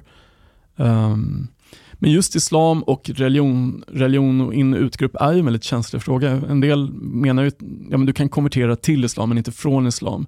Du kan, du kan liksom inte utträda ur islam med annat än ja, i vissa radikala islamtolkningar döden. Uh, så det där är ju inte någonting som kanske efterlevs i Sverige, men det finns ju vissa delar av världen där, där det finns problem med sådana saker. Saudiarabien, och Afghanistan, Iran är kanske sådana exempel, Sudan. Jag, jag, känner igen mig själv i dig, att eh, jag är öppen för de här ritualerna och sådär, men jag gör ju inte det själv. Men det är inte så att jag säger nej, nej, nej, det där vill jag inte vara med på. det där låter ologiskt eller irrationellt, utan jag, jag, går med för att det, det är en, en, del av mitt arv och liksom kultur. Men anledningen till att jag frågar dig är att eh, för min del så ringer det alltid varningsklockor när personer helt lämnar en ideologi eller religion och sen börjar kritisera det. Då, för jag tänker alltid, okej, okay, vad beror det här på?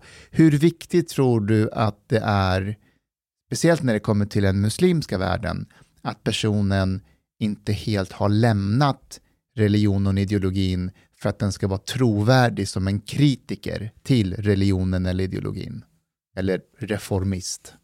En bra fråga, men också en väldigt komplex, komplex fråga. Liksom alla människor, öden är olika. Alla människor som har muslimsk kulturbakgrund som kanske känner sig mer kritiska mot gängsliga islamtolkningar och diskurser har olika ingångsvärden. Och sådär. Men det ligger en poäng i det här att, att eh, om en människa liksom med buller och bång lämnar islam och blir vad det nu kan vara, eh, ateist eller kristen eller vad det nu kan Jag har ingen aning. Massa olika grejer. Och ser att islam är det stora problemet. Jag tror att ni har någon tjomme här va, som brukar prata med er. Eh, Omar. Omar som, han är som hittade liksom, en annan migrations... Han brände bara Koranen. han brände Koranen och, och slog sig ner i Sverige. Och pratade engelska på en podcast, eller hur? Mm. Men han pratar svenska egentligen? Eller? Han förstår eller och förstår. pratar svenska, men uh, han låter bättre. Som... Ja, jag hade nästan önskat att han var här så jag kunde reta Jag vet, gre gre grejen är att Omar har blivit pappa. Okay. Uh, så han är hemma nu uh, med sitt barn. Men mm. han hade jättegärna velat vara med och prata med dig. Okay. Nej men i alla fall, jag, jag, jag, alla, alla människoöden är olika, men just det där att radikalt gå från en grej till en annan, det, det det kanske inte är det bästa om man ska vara en sansad kritiker eller ha, vara med i en sansad debatt, att inta för extrema positioner. I mitt fall i alla fall, jag, jag, hatar inte islam och jag gillar inte islam heller. Jag är rätt neutral till islam. Det är en, en, stor tradition som finns på den här planeten och den kommer säkert finnas kvar några tusen år, sen kommer den tyna bort och liksom, människorna i den delen av världen där, där min far kommer ifrån, ja men var har de varit innan? De har varit hinduer, buddhister, zoroastrer, animistiska shamaner, whatever, liksom, tillbaks till skryterna och indoeuropeernas ursprung har det funnits hur många olika ritualer som helst som man haft där borta. Liksom. Och islam är den sista, eller den senaste i den här långa raden. Samma sak här. Här har varit olika religiösa eh, traditioner innan kristendomen. Och nu så är det en slags mellanfas, vem vet vad som kommer i framtiden. Liksom.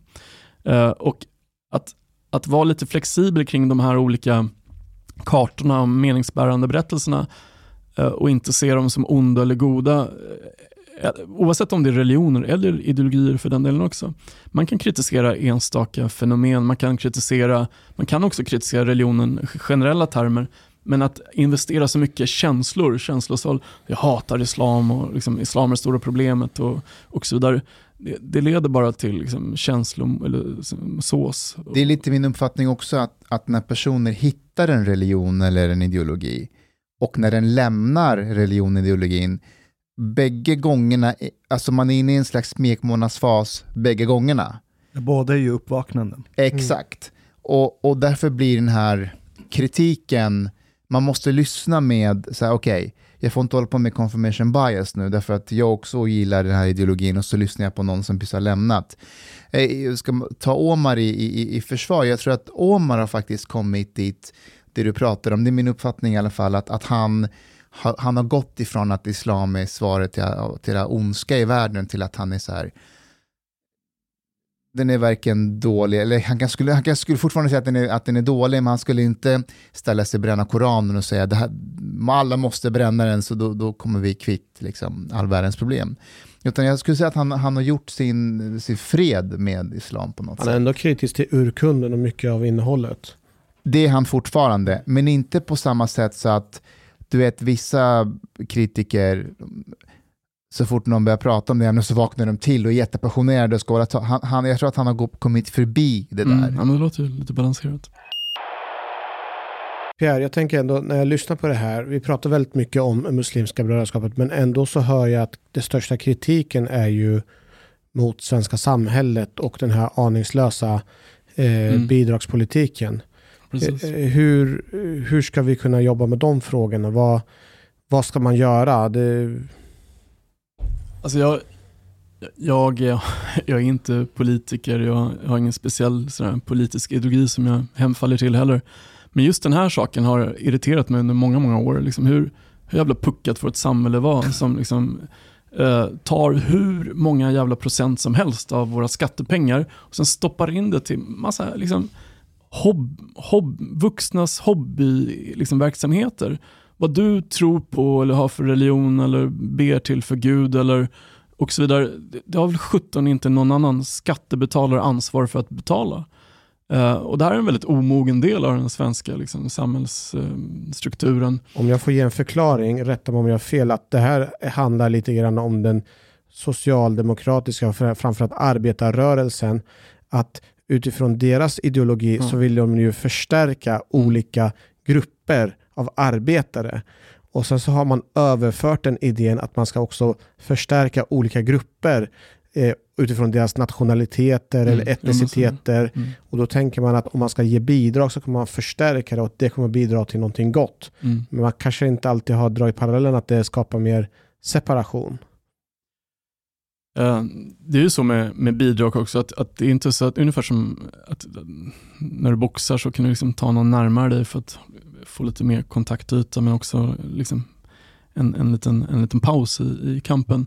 Eh, bidrag, skattemedel är också ett sätt att kontrollera. Liksom. Det eh, är ju till exempel på ett sätt smart för en stat som vill ha mycket inflytande, kontroll och liksom veta vad som pågår i sitt territorium att ge bidrag för att kunna liksom få de här människorna lite mer eh, under sitt beskydd eller sådär.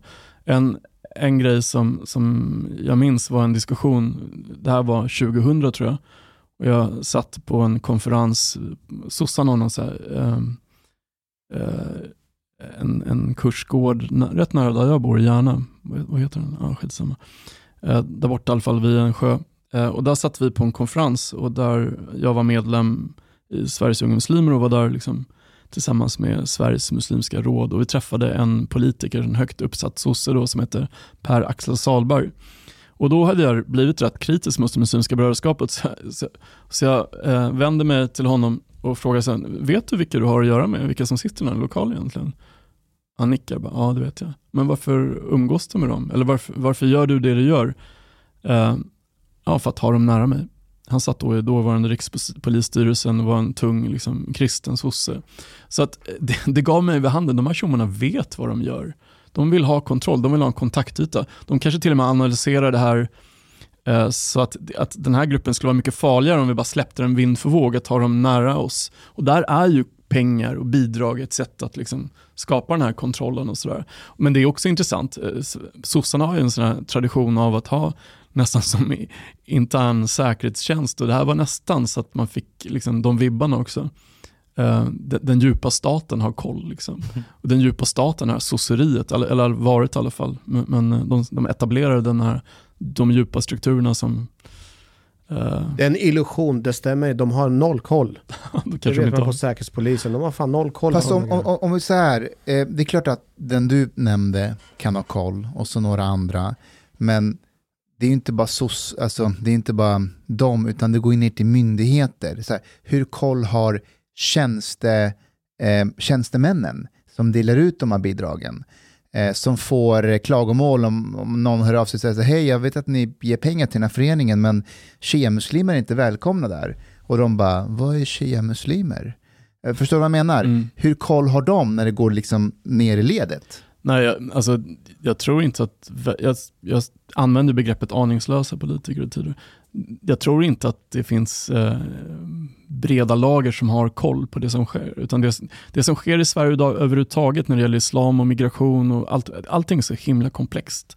Så det är nog ingen riktigt som har koll överhuvudtaget tror jag. Eh, men det är klart att det finns några eh, viktiga myndighetspersoner som är lite mer insatta. Jag tror till exempel att folk inom MSB, den här myndigheten som beställer den här rapporten, har lite koll faktiskt. Absolut. Att det finns delar av Försvarsmakten, kanske smartare delar av Säpo, jag har ingen aning liksom vad det är för tjommar som står där. Men att de flesta inte har koll, det är klart. Liksom. Ungefär som att vi pratade tidigare om att de flesta, absolut flesta i de här organisationerna som bildades Muslimska brödraskapet heller inte tillhör Muslimska brödraskapet. De flesta människor är bara liksom med i något sammanhang och de flesta tjänstemän gör bara det som deras chefer har liksom gett dem uppdrag att göra. Eh, och det är just när man ställs inför massa olika muslimska eh, islamtolkningar, trosuppfattningar, sekter. Vem har koll? Liksom? Det är några få islamologer och religionsvetare kanske och en del muslimer, men det, det är ett så himla komplext fenomen det här. Vi har eh, 3,5 miljoner människor som har liksom landat i Sverige de senaste 50 åren och av dem så är kanske, jag vet inte, en, en tredjedel mm, har muslimsk bakgrund och av dem så finns det x antal hundratusen som kanske ser sig som religiösa. Och det, det blir bara mer och mer komplext desto mer man tittar på det. Och att ta koll på det här då som någon som tillhör majoritetsbefolkningen, den etniska svenska gruppen och som har liksom varit en relativt homogen eh, grupp som inte haft erfarenhet av att träffa massa olika etniska grupper och religiösa eh, samfund och sånt där under sin tidigare existens utan bara fått hantera dem nu. Det är inte så lätt tror jag. Eh, kanske om man kommer från Damaskus eller någonstans i den delen av världen och har umgått med etniciteter och religiösa grupper, då har man liksom det här know-howet. Men att en svensk eh, liksom, tjänsteman i Flen ska liksom hålla koll på eh, en, en, vad som är skillnaden mellan en, en shia-muslimsk, eh, pro-iransk shia-muslimsk grupp och en eh, somalisk sufigrupp annat än att de har olika hudfärg kanske. Det, det är svårt. Liksom. Kommer ni ihåg de här två Uppdrag granskning som gick eh, på SVT för 15 år sedan tror jag? Som hette Islam i Sverige eller något sånt där. Eh, de granskade de här föreningarna i bland annat Göteborg eh, som fick pengar eh, och de var, de var rätt antidemokratiska av sig. Eh, de uppna, uppmanade andra somalier som dansade eller höll på med musik och så att inte hålla på. Eh, de dök upp på olika somaliska fester och skrämde dem att, av, att avsluta festerna för att det var musik där och tjejer och killar och mix och sådär. Alltså de kom literally med sina bilar och gjorde liksom, eh, vad, vad heter det? Eh, Förskingrade? Eh, vad heter det när man... Eh, Barrikad? Ja, typ, i princip. Mm. Eh, hur som helst, eh, jätteintressant. Jag tror att Per Brinkemo är en av dem som bakom dokumentären. jo, men, i, i, två delar. Men en sak som var jätteintressant där, kom ihåg, det här är 15 år sedan.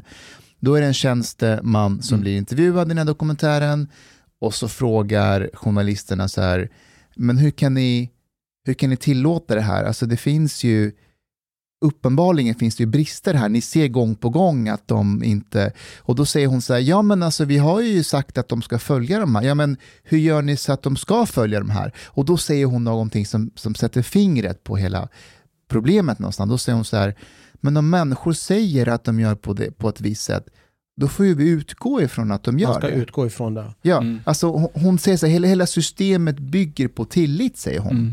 Om de säger att de är demokrater, vi måste utgå ifrån att de är demokrater, för vi måste lita på varandra. Mm. Och där fattar jag så här, shit, det är det de har listat ut. Mm. Att bara du säger att du är någonting, så är du det. I svensk mått. Mm. Och det, vilka, är det som är det dock, vilka är det som har föreslagit att det borde finnas en granskande organ så att när man ändå delar ut de här pengarna att man ska liksom kontrollera och granska och se att de följer de här stadgarna. Men det finns ju ingenting.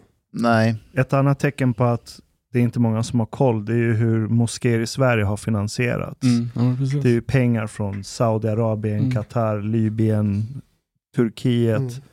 Så det, det, det är jävligt naivt att anta att det är demokratiska syften som ligger bakom upprättandet av de här moskéerna. Ja, det är ju bara en liten mindre andel av pengarna som kommer från eh, svenska skattebetalare när det gäller moskébyggnad och sånt där, utan det är ofta liksom, eh, stora, som du säger, summor från en del skumma sammanhang och länder. Man kan även se att vissa poddar som finns som är väldigt så här muslims profilering, det är att kan utgå ifrån att de är finansierade av utländska intresseorgan. Ni, ni tre har muslimsk bakgrund och ni har en podd som heter Sista måltiden. Den sista av alla måltider. De tre krypto-islamisterna. Exakt. Jag fick faktiskt ett mail eh, för, för inte så länge sedan från en eh, kristen tjej som frågar just huruvida om vi hade kristen identitet. Och så nej, det här är bara på skoj, vi är grabbar som käkar middag. Och så, aha, okej, vet du vad?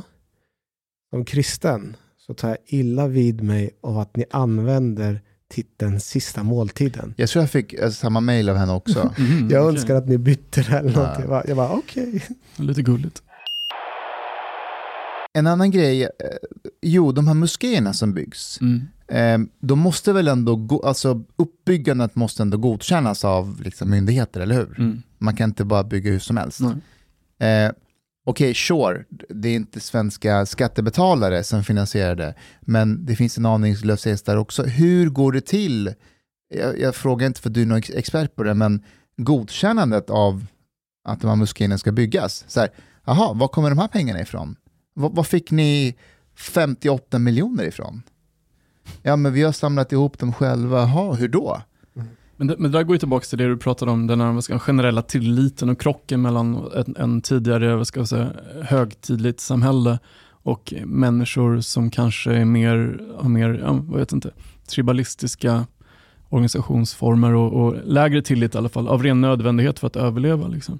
Och att man då som tjänsteman hela tiden förutsätter att alla personer som går via, mm, som ansöker om en religiös byggnad är ungefär som sådana som vi. Ehm, det kan ju vara att en moské liksom, eh, finansieras av, av någon salafistisk, ehm, det finns en, en annan eh, slags muslim islamtolkning, lite mer konst- ärkereaktionär och kan ibland vara islamistisk också. Eh, en salafistisk eh, organisation eller stiftelse i Qatar eller något sånt där får de ja, men 50 miljoner för, för att öppna någon eh, moské i, i Karlstad eller Malmö eller var som helst. Liksom. Och att den här tjänstemannen bara ser ett liksom, svenskt eh, föreningsnamn, ja, Karlstad Islamiska stiftelse eller vad det nu kan kallas. Och att att man behandlar det som vilken annan organisation som helst som bara ville få ett, ett bygglov eller något sånt där. Eh, och där, där möter vi de här, liksom, den här aningslösheten, eller förståeliga aningslösheten. Hur sjutton ska man som enskild fritidspolitiker i någon liten by eller stad ha koll på liksom, geopolitiska intressen och, och religiös imperialism och, och vad det nu kan vara. Eller riktigt skumma islamska grupper i Sverige som faktiskt är några snäpp värre än Muslimska brödraskapet. Sådana finns det ju också. Det kan jag faktiskt köpa någonstans att det är förståeligt att den aningslösheten finns. Jag menar, jag har svårt att se framför mig i Karlstad eller Göteborg att så här, Ulla-Britt tar fighten mot Salafi-moskén. Hon kan allt om salafister och Muslimska brödraskapet. Alltså, hur, hur ska det gå till liksom? Um, alltså får, får man salafisterna som de vill så kommer det vara en massa Ulla-Britt kanske under burkarna i framtiden. Ja, Eller vad de nu heter. Visste ni att eh, den Sveriges största moské skulle vara klart 2020 och den skulle vara, ha varit i Rinkeby? Är det den som skulle varit mellan Tensta och Rinkeby? Där i liksom... Den skulle vara faktiskt bredvid polisstationen. Ja, det är lägligt. Vet du vad som hände? Nej. Eh, huvudägaren åkte dit för förskingring. De har ju kopplingar till en annan skola, någon så här islamsk skola, religiös skola. Så han åkte dit så att den där planen avbröts helt och hållet. Ja, men det, alltså det, var, den här snubben som eh, Abdrazek Waberi, somalier som eh, satt i, för Moderaterna, Moderaterna i Göteborg, han för, satt också som suppleant tror jag i försvarsutskottet under sina år i riksdagen. Mm. Han eh, ledde väl en av de här skolorna i Göteborg som, som fick massa eh, han hade varit kritik. i Thailand. Och, och, och precis. Och han, han var alltså ordförande för Muslimska brödraskapets samarbetsorganisation, han, i Europa. Eh, alltså högsta hönstet bland Muslimska brödraskapet. Och sen, sen visade det sig att han liksom är lite svag för eh, thailändskor och liksom förskingrar massa skattepengar och lever rövare. Liksom. Det, det är en rätt intressant, eh, och inte helt Uh, inte helt ovanligt att det finns sådana här sidor hos liksom, religiösa puritaner att liksom slår över åt andra hållet. Att det finns en nästan subliminerad sexuell energi där som kanske manifesterar sig som, som liksom en religiös iver. Um, det är som han eh, prästen i Got på Gotland. Jag tänkte också på det. Biskopen. Biskopen. Vad är det han hade gjort? Jag har inte orkat sätta mig in i det. Han hade haft en eh, affär, en affär med en anställd i kyrkan. Och det var det absolut värsta man kan göra. Det att så, smutsigt, så smutsigt får man inte leva. Men var det inte för att han var i maktposition då? Eller jo, han sånt? var ju biskop. Ja. Han var ju biskop. Och, och han, han bröt tydligen mot sjätte budordet eller något sånt där. Att han hade en annan ja. kvinna. Jaha, han var otrogen? Ja, han var, han var ju otrogen. Mm. Han hade ju en fru ju. Mm. Alltså, ska jag vara, fan, kom igen, det var helt okej okay att han fick sparken. Alltså, någonstans, tycker du det? Ja, det tycker jag. Någonstans ska jag tycka att... Moralen ska kicka in. Ja, men vad står kristendomen för någonstans? Alltså, så här. Relativism. nej, men, nej, men jag kan tycka, jag såg Aktuellt. Och då var, då var det en, en skribent från tidningen Dagen där. Mm. Och då sa journalisten, frågade journalisten, i och för sig en bra fråga, journalisten frågade så här, men vad är problemet här egentligen? Vi lever i en modern värld, många är ju otrogna. Är inte det mänskligt? Och då sa hon någonting väldigt bra som jag tyckte, fan det här var vettigt. Då sa hon så här, fast kristendomens roll kanske inte alltid är att leva efter den moderna världen. Vi vill också värna om det som var förr. Alltså hur, vad handlar religionen om? Jo, men du ska inte vara otrogen och då, då kan du inte jobba som biskop. Nej, jag köper det. Alltså har, har du en religiös grupp och så har du tydliga regler att för att få vara med i den här religiösa gruppen så får du inte ligga med andra om du är i ett förhållande. Och så bryter du mot det. Jag tycker inte alls det är konstigt att det blir utslängd. Skulle man få sparken som polis om man är otrogen också? Nej, nej för att nej. polisen är inte ett kristet samfund. nej, men jag kan tycka någonstans att... Vad är det för fråga? för att, bara hypotetiskt borde det innefatta andra typer av grupper förutom nej, religiösa. Nej, nej, vi ska ju separera inte. kyrkan från staten.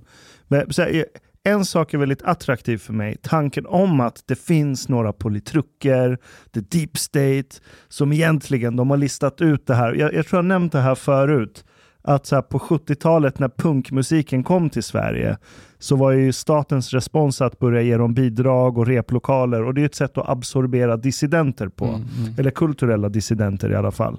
Och, och det, det, det, må ha varit så en gång i tiden, kanske. Eller så är det bara naivitet som råkar funka rent praktiskt för att absorbera dissidenter. Och idén om att det finns ett djupt sosseri som sitter på sina hemliga möten och bara bra, vi har de där Ibn Rushd, eh, grabbarna runt halsen. Liksom. De tror att de äger oss, vi äger dem. Men jag tror att det är bara den här sidan av mig som vill ha en känsla av att någon har kontroll på det här jävla skeppet. Som vill att det ska vara så. Medan jag tyvärr tror inte att det är så överhuvudtaget.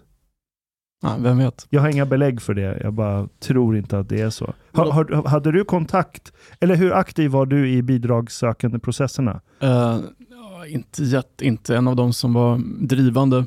Däremot insåg jag att, att det, det, det, pågår rätt mycket fiffel. Men det, där tror inte jag någonstans att Sveriges unga muslimer eller för den delen de andra muslimska organisationerna var speciellt um, unika i avseendet, utan det, det, är en stor del av det så kallade civilsamhället, vilket egentligen är ett statsunderstött liksom, civilsamhälle, inte alls så speciellt civilt civilsamhälle är egentligen bara en stor bidragskarusell. Där man liksom, SSU? Ja, men SSU, ABF, allt vad det är, liksom, olika studieförbund och, och organisationer handlar väldigt mycket om att ja, ta massa pengar och liksom, vad man gör, nu gör med dem. Liksom. Mustafa, har du koll på det? Om uh, Alliansen kommer till makten, kommer Uffe göra någonting åt de här bidragen? Kommer han strypa jag, det här? Jag tror att det är så djupt inrotad någonstans. Men de är, Uffe är väl en sån här politruk uppvuxen i ett bidragsträsk, eh, MUF och liksom, mm. det är samma gäng. Det finns ju bara liksom, ett parti i Sverige med olika nyanser egentligen. Eh, alla är sossar.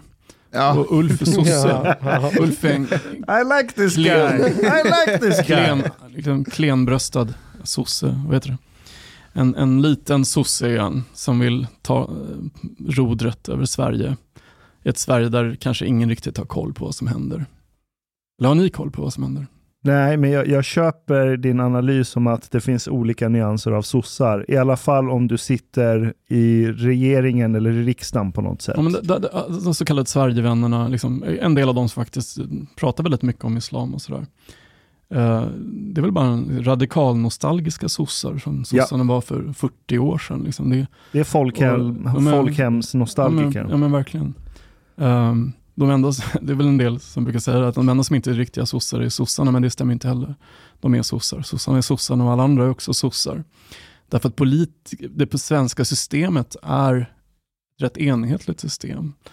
Och är man systemkritiker så är det rätt meningslöst eh, eh att liksom kritisera det ena eller andra partiet, för det är systemet som är problemet nästan. Och, och det här systemet kanske inte heller gjort för något annat än en etnisk homogen befolkning som har ungefär haft ett högtidligt samhälle tidigare. Att hantera det som vi har idag med liksom, eh, vad det nu kan vara, gängkriminalitet och ökade etniska splittringar och i alla fall ett helt annorlunda samhälle. Eh, kanske vi behöver en helt annan samhällsorganisation. Ja, men, inte. Ja, som inte bygger på partier där man ska liksom, eh, slussas in i, som i ungdomsförbund och sitta på x antal stolar i, under massa år och få liksom, i princip vara bortkopplad från verkligheten samtidigt som man pratar liksom ett eh, hittepåspråk om när man ska försöka argumentera som politiker helt bortkopplad från verkligheten. De här typerna, har de verkligen koll på processen? Är de sådana som kan ro det här i hamn? Jag tror inte det. Politikerna är en del av problemet. Det, det är som att typ få spela Monopol från att du är 15 tills du är 40 mm. och sen sätts du in som eh, vd på ett bolag. ja, det är typ lite så. Ja. Och, och, jag tänker, så här, jag tror det som egentligen politiker har koll på, det är vilken incitamentstruktur de opererar inom. Mm, och det yttersta incitamentet där, det är att få röster. Mm. Och vare sig du är medveten om det eller inte, så tror jag att i slutändan så filtrerar du varenda samhällsfenomen genom den mm. linsen. Mm. Kommer det här leda till fler röster eller inte? Till exempel, eh, är, bra in, eh, är mycket hög invandring som förmodligen kommer leda till en stor andel bidragsberoende invånare, är det bra eller dåligt? Mm. Då filtrerar du igenom, kommer det här leda till fler röster? Om svaret blir ja, så kommer du välja den linjen. Eh, om nu den sortens invandrare skulle vilja rösta på ditt parti, det vill säga. Mm. Är inte det där konspiratoriskt? De flesta har inte ens rösträtt när de kommer hit som flyktingar. Nej, men du får ju det sen. Ja, och sen fem, föder du barn. Tio... Du föder barn. Det är ju väldigt lång, långt framöver och tills dess så hinner många andra bli missnöjda. Men kollar man på statistiken in... för vilka många människor som har kommit till Sverige de senaste decennierna röstar på i olika områden där de bor så är det ju inte men det är sossarna till väldigt stora delar och lite Vänsterpartiet kanske. Och Sverigedemokraterna. Ja, jag vet, det, det kanske de sista svenskarna eller finska alkisarna i den lilla förorten som röstar på Sverigedemokraterna. Eller någon bitter syrian kanske. Alla syrianer röstar på Jag vet inte. Men i alla fall, alltså det, så det är inte så mycket konspiration som att bara titta på statistiken. Det, det, många människor har sossarna till exempel, alltså då pratar vi sossarna och sossarna, ett incitament att ta, ta in väldigt många människor för att eh, trygga sin framtida återväxt som parti och maktbas? Ja, självklart. Eh, de, de sista ärkesossarna, det är liksom sistagångsväljarna som håller på att dö nu. Mm. Nu får en massa förstagångsväljare från andra liksom, olika kulturbakgrunder som kanske inte riktigt har hunnit landa här men som ändå äh, liksom röstar sossarna. Min farsa var väl en sån också egentligen, fast han har en helt annan migrationshistoria. Han röstade alltid på sossarna. Varför? Ja men Palme var bra eller något sånt där. Alltså, vilket djupt politiska argument. Alltså Pappa min... var smart på många sätt och vis, men på den här punkten så var han riktigt, riktigt Det där är osmart. skitvanligt, att ja, men... referera till Palme. Men Palme var bra, min, liksom, min farsa var, bra. var samma sak, fast han sa Göran Persson, han är mycket bra. Ah, okay. Sådär. Ja. ja. ja. ja men det, så det, det, det, finns en poäng för olika partier att kanske ta emot olika migrantgrupper som också mycket väl skulle kunna vara ett underlag för dem. Och jag tror att det visade sig också att en del av de här allianspartierna tog emot andra migrantgrupper som eh, stödde dem. Eh, eh, andra, alltså typ sossar tog emot eh, de och de från de länderna som röstade på sossarna och en del av allianspartierna tog emot några andra som i alla fall till delar röstade på de här så kallade borgerliga partierna. Jag, jag tycker inte det finns någonting konspiratoriskt i det alls. Det är logiskt, det är rationellt. Att alla kommer att rösta på sossarna. Ja men, ja, men de ja. gör ju det. Och, och tidsperspektivet, det håller inte som motargument Vänta, Mustafa, röstar du på Socialdemokraterna? Nej men kolla, kommer du ihåg Alla när vi... som röstar röstar sossar. Uh, exakt, men kommer du ihåg när vi, när vi snackade om att de här ensamkommande som kommer till Sverige? Mm. Alltså vilka var det som så här, tog hand om dem och välkomnade dem och faktiskt fanns där? Ja, vänstern. Ja.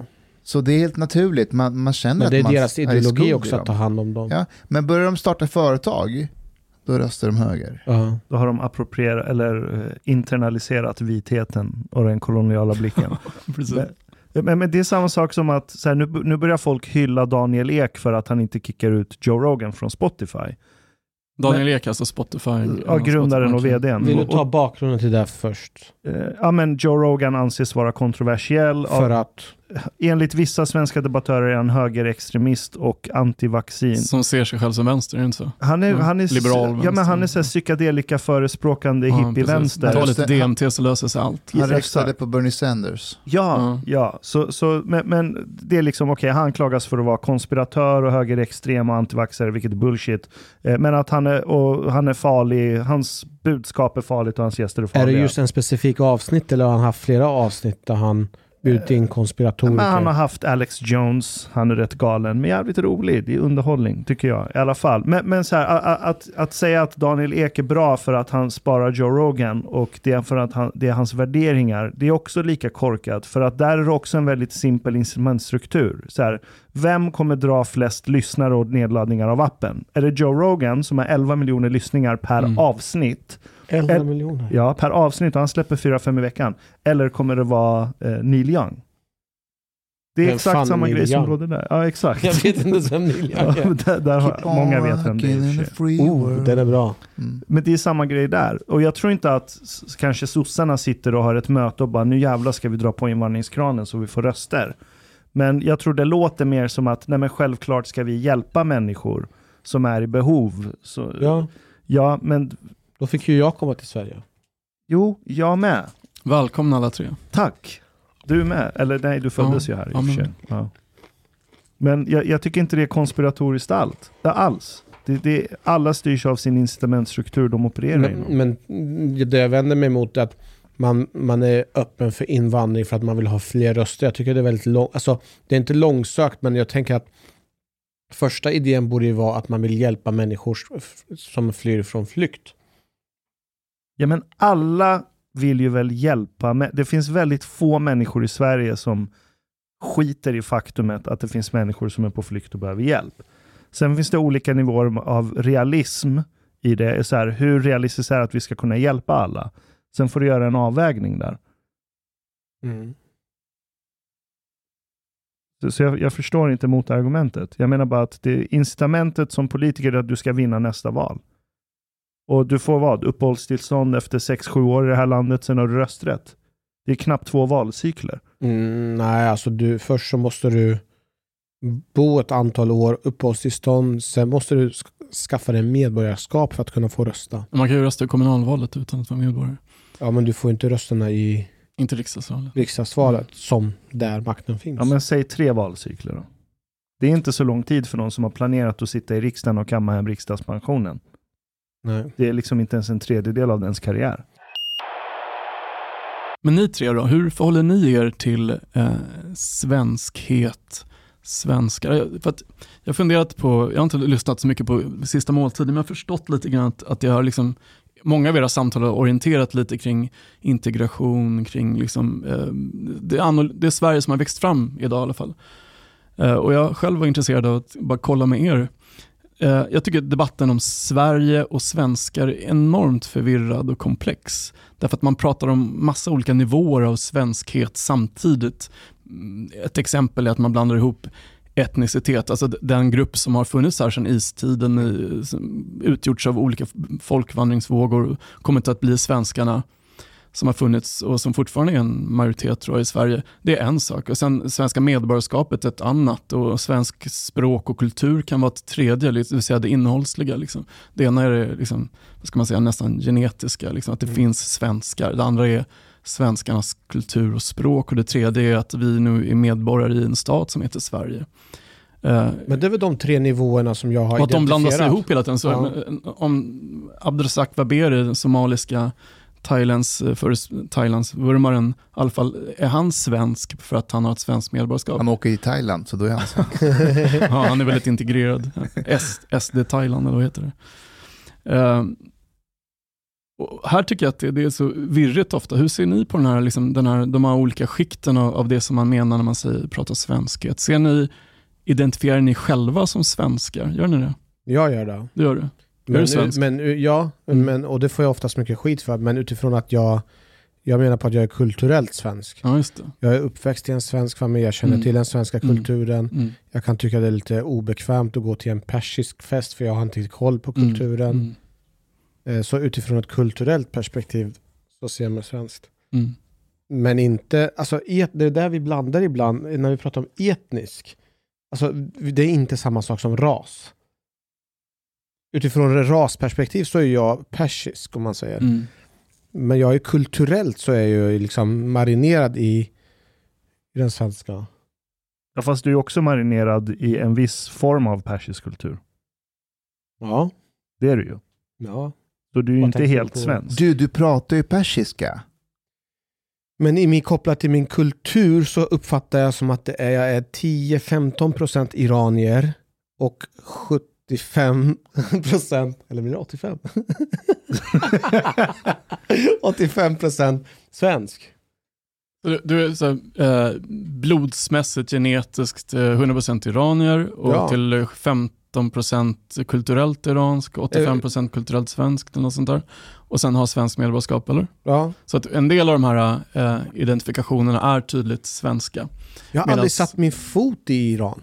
Jag, eh, jo, jag är född i Iran, men jag är aldrig...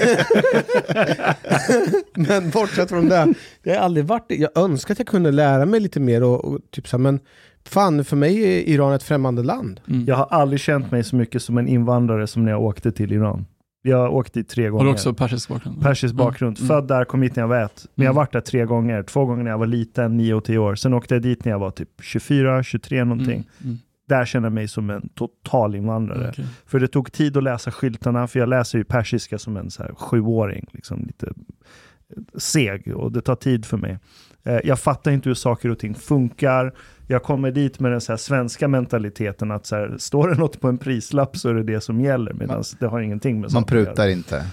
Precis, så, så liksom om jag gick och handlade och kom tillbaka så gjorde folk narr av mig för att jag inte hade prutat eller så här överbetalt för någonting.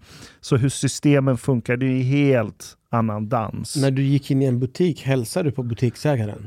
Efter ett tag lärde jag mig att det är så man gör. Ja. Du hälsar på folk. Du hälsar på folk ute i kvarteret, man säger hej till varandra. Det är en helt annan dynamik som gäller. Eh, men samtidigt, liksom, ja här, jag kan ju dra på riktig fin rikssvenska och dra tio snapsvisor för dig och liksom bete mig på en eh, middagssittning och allt det där. Eh, och jag kan eh, navigera det byråkratiska systemet, men jag känner mig fortfarande inte helt svensk. Varför? Jag vet inte. Det är en inte känsla. Ja, det är en känsla. Men jag Men är svenskhet en känsla då? Är det bara någonting man, jag menar, idag känner jag mig svensk, igår var jag inte speciellt svensk. Liksom. Om, om man tar, tar vilken annan etnicitet som helst, om man har liksom 100 000 tyskar, ska de känna sig japanska om de bor i Japan någon dag och då är de japaner eller vadå? Eh, vänta, om de här tyskarna växer upp i Japan och har japanska föräldrar och har ingen som helst koppling till sin hemmaland. Om de har tyska föräldrar, liksom, ungefär som att eh, iranier växer upp i Sverige liksom, och är, deras föräldrar kanske kom hit efter iranska revolutionen och växte upp här och, och de har liksom svensk kultur och svensk språk som du själv, men ir, iranskt påbrå. Och om det finns tyskar i Japan som har växt upp där för att de flydde någonting som hände i Tyskland och växte upp där. Och, men känn, om de känner sig som japaner, är de då japaner? Får man fråga För- japaner? Får man Ja, fråga- nej, nej, men så här, vi, De vi, skulle säga nej. Ja. om man tar liknande största ras- Om man tar liknande jämförelser med många, många andra länder så tycker folk, ja men kan man, kan man bli japan bara för att man bor i Japan? Det beror på vilket land det är. I Japan just nej. I USA ja. I Frankrike ja. annan, ja, precis. Mm. Det är, precis, jag tror att det har att göra med hur landet är uppbyggt. Alltså, Amerika, det är ju verkligen uttalad i, som, rätt brett att du kan bli amerikan. Mm. Om du kommer hit, om du köper konceptet här, Då, förstår då har de en konstitutionen. medborgaridentitet på ett annat sätt. Exakt. Och Men, du, det, men i Sverige har vi inte, liksom, idag kanske vi håller på, eller behöver få, jag vet inte, eh, någon typ av medborgaridentitet, men det, det har ju inte varit så. Det har varit ett, ett, liksom, en majoritetsfolk här eh, som har byggt upp sitt samhälle under flera hundra år, kanske tusen år rent av. Och sen har det kommit många människor från olika delar av världen. Och det, har liksom, den här, eh, det här begreppet att vara svensk medborgare, det, det är inte samma sak som, som liksom, att vara svensk. Åk till Rinkeby och fråga, liksom, är du svensk? De flesta, nej, jag är somalier eller kurd eller vad det nu kan Mm. vara. Vem är svensk? Ja, men det är hon på Försäkringskassan eller läraren eller sånt där. Där är det väldigt så här, tydligt. Men pratar man med ja, Kasar Mahmoud eller kanske er eller många andra personer som liksom är med i den offentliga diskursen så blir det så mycket mer nyanser kring svenskhet och det är förståeligt. Jag ska inte säga Eh, att, att man inte får känna sig svensk. Eller inte, liksom, det är klart att tillhör man en, en kultursfär och pratar ett språk så får man känna sig som vad som helst. Men det här, vad jag vill komma åt är att, att ibland så är det som att den, den etniska gruppen svenskar glöms bort som en egen grupp med lika stort existensberättigande som japaner eller den och den pakistanska gruppen eller kongoleser eller vad som helst. Att det bara är någon slags flytande, flytande medborgaridentitet som man kan bli eller inte bli som man vill. men det är Och då, det ju då, inte. vad som, Fa- nej, fa- precis. Men fast jag vad som då händer med debatten är att det blir så oärligt på något sätt. Fast Men det är jag tror- charader. Jag, jag, tror, nej, Ja, jag, nej, jag tror inte alltså Jag tror att det finns olika för ord. Om vi tittar på mina föräldrar till exempel, de som är födda Mm. på 40-talet, 50-talet. För dem tror jag att det är charader. Mm. Eh, för, för mina, jag har sagt det tidigare, min svenska pappa ser ju inte mig som svensk. Men om man pratar med unga personer, så de har ju inte samma uppfattning kring svenskhet som de äldre. Det är charader också där. Det är charad. Vet du varför? För att, så här, ett, jag kallar mig inte svensk. Jag kallar mig för iranier svensk. För det, det är typ det jag är. Och jag ska inte låtsas att jag är någonting jag inte är. Jag tycker bara töntigt. Samma här. Eh, och, och, och det är så här, jag, jag tror många svenskar, speciellt om man typ växte upp med TV3 och TV5 och det här och så blir du jätte Filmnet och TV1000 så blir du jätteinfluerad av US, USA. Eh, och det har vi blivit innan de kanalerna kom också. Och så ser du liksom vissa delar av USA bara har du ju sett i Sverige och blivit influerad av. Los Angeles, New York och så har du sett den här mångkulturen och så vill du imitera dem. Eh, och och, och då, då ser det fint ut med idén om att ja, men det kryllar av olika hudfärger och sånt på Stockholms gator. Men svenskar tror jag överlag, svensk kultur överlag, svensk djupkultur är inte kompatibel med mångkulturalism. Jag tror många svenskar som säger att de gillar mångkultur, de gillar egentligen mångkulört. Men inte mångkulturellt. För det räcker med att om jag skulle gå till många svenska arbetsplatser och utöva min persiska kultur där, så skulle inte det funka. Folk skulle börja kolla snett på mig och börja prata skit bakom ryggen. Som att, nej men i Iran så liksom, man kommer till jobbet kanske så här halv tio och sen klockan tolv går man hem, för där är det ju för varmt. Så folk går hem klockan tolv och så sover de till typ två. Sen kommer de tillbaka till jobbet klockan tre och så är de där till klockan tio. Och skulle jag bete mig så på en arbetsplats så skulle folk inte tycka om det. Och jag vet det för jag har gjort så. har du kommit... Men vadå, jag tänker på en arbetsplats så har du arbetsregler som du måste följa. Det har ingenting med kultur Nej, men, Jo, för att till exempel när jag doktorerade, det är ju en arbetsplats som jag var på i fem år. Ja.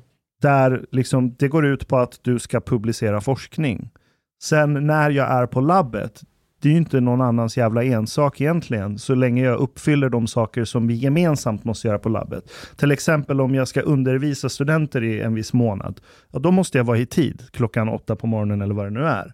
Men när jag ska hålla på med min forskning så är det ju totalt skitsamma om jag kommer dit och labbar klockan åtta på morgonen, eller om jag kommer dit klockan ett på dagen, men är kvar till två på natten. Mm.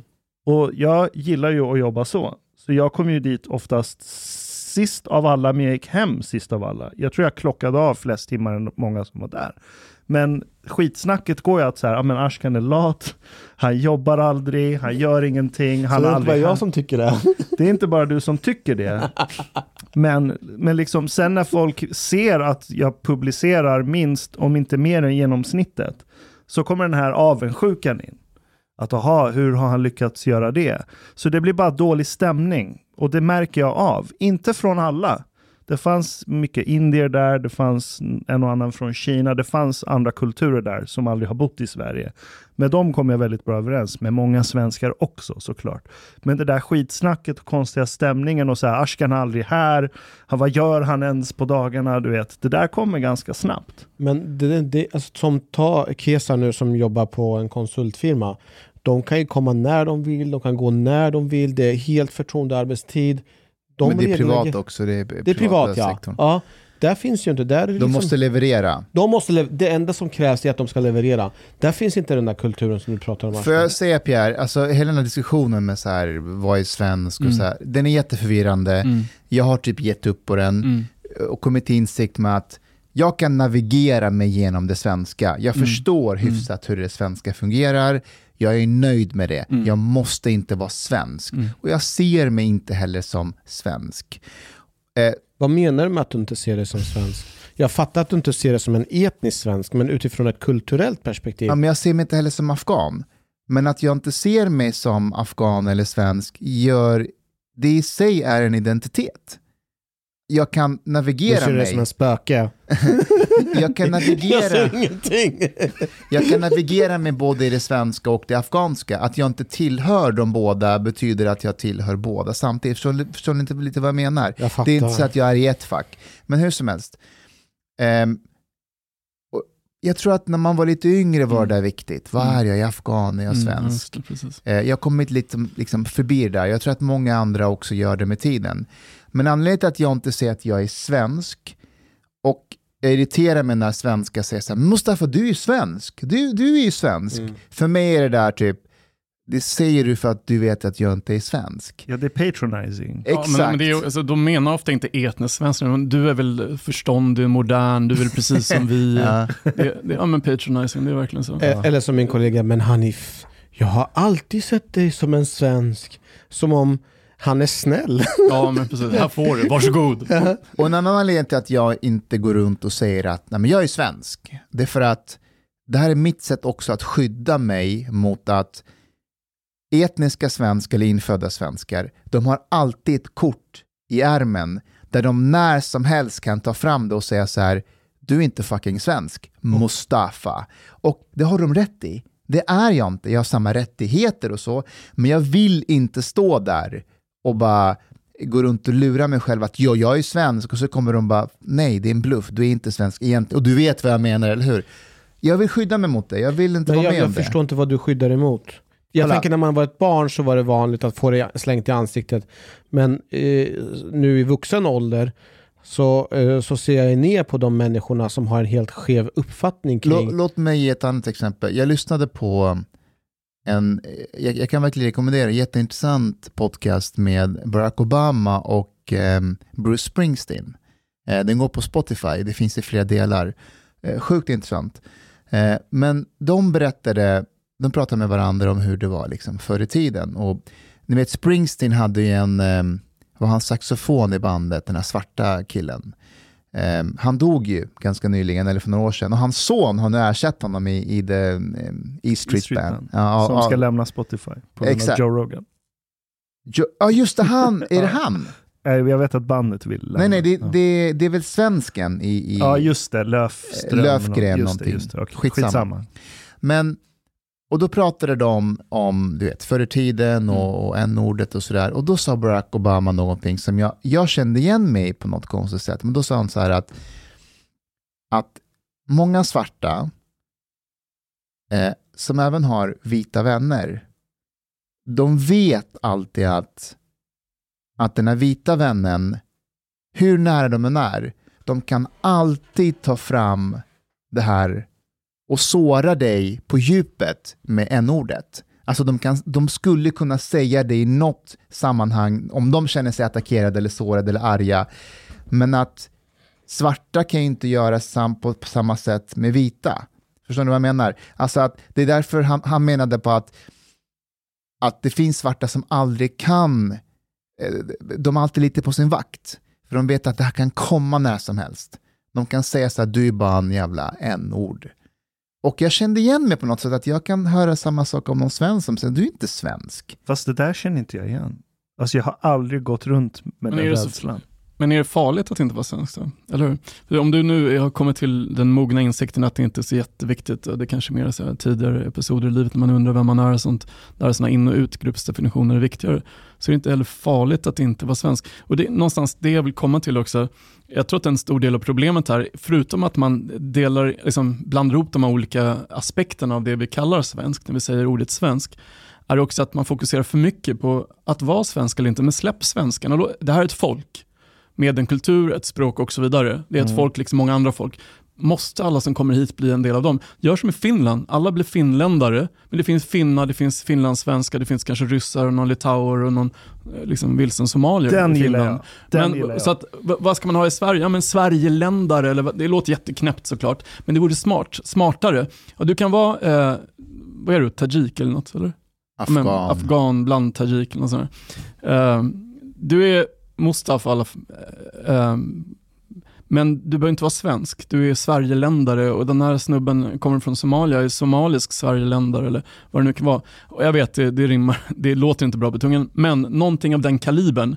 Det vill säga sjunka upp en nivå till den här medborgarskapsnivån också. Sen kommer kanske inte alla identifiera med sig med det här sverigeländska heller. Det kanske tar hundra år av att bygga någon ny sån vi Och det är det som är nyckeln. Det är det som är nyckeln. Att låt det här ta tid. Men, Låt men, det här evolvera av sig själv. Forsa inte, säg inte till någon jävla afghan som kom hit med båten igår att du är svensk för att du åker tunnelbana i Stockholm. Lägg av med det där. Nej men precis, jag, jag tycker, någonstans där tror jag man kommer till en mognare de- debattklimat. Om, istället för att bara, vem är svensk, vem är inte, så, men släpp det för 17. Släpp Jag det. helt med. Därför att, eh, ska alla vara, vad det nu är, liksom japaner bara för att de Nej, jag, jag besöker lö, Japan? vi löser det nu. Eh, så att, och då bildar republiken varit- Sverigeland? eller- Det har ju varit problem länge att Eh, jag, jag uppfattar som att det är lite grann som den här feministdebatten att för det första så finns det en grupp människor som har försökt lura en att nej men vet du vad, du kan bli svensk. Precis som eh, feministerna som vill att männen ska prata om känslor och så och sen när man gör det bara aha! Du pratar helt om fel grejer. Och samma sak här, man, man luras in i en vagga för att sen när man känner att ja, men jag är svensk och jag är en av er så, så kommer någon och säger så här du är inte svensk. Och det, är- alltså, det är en fälla.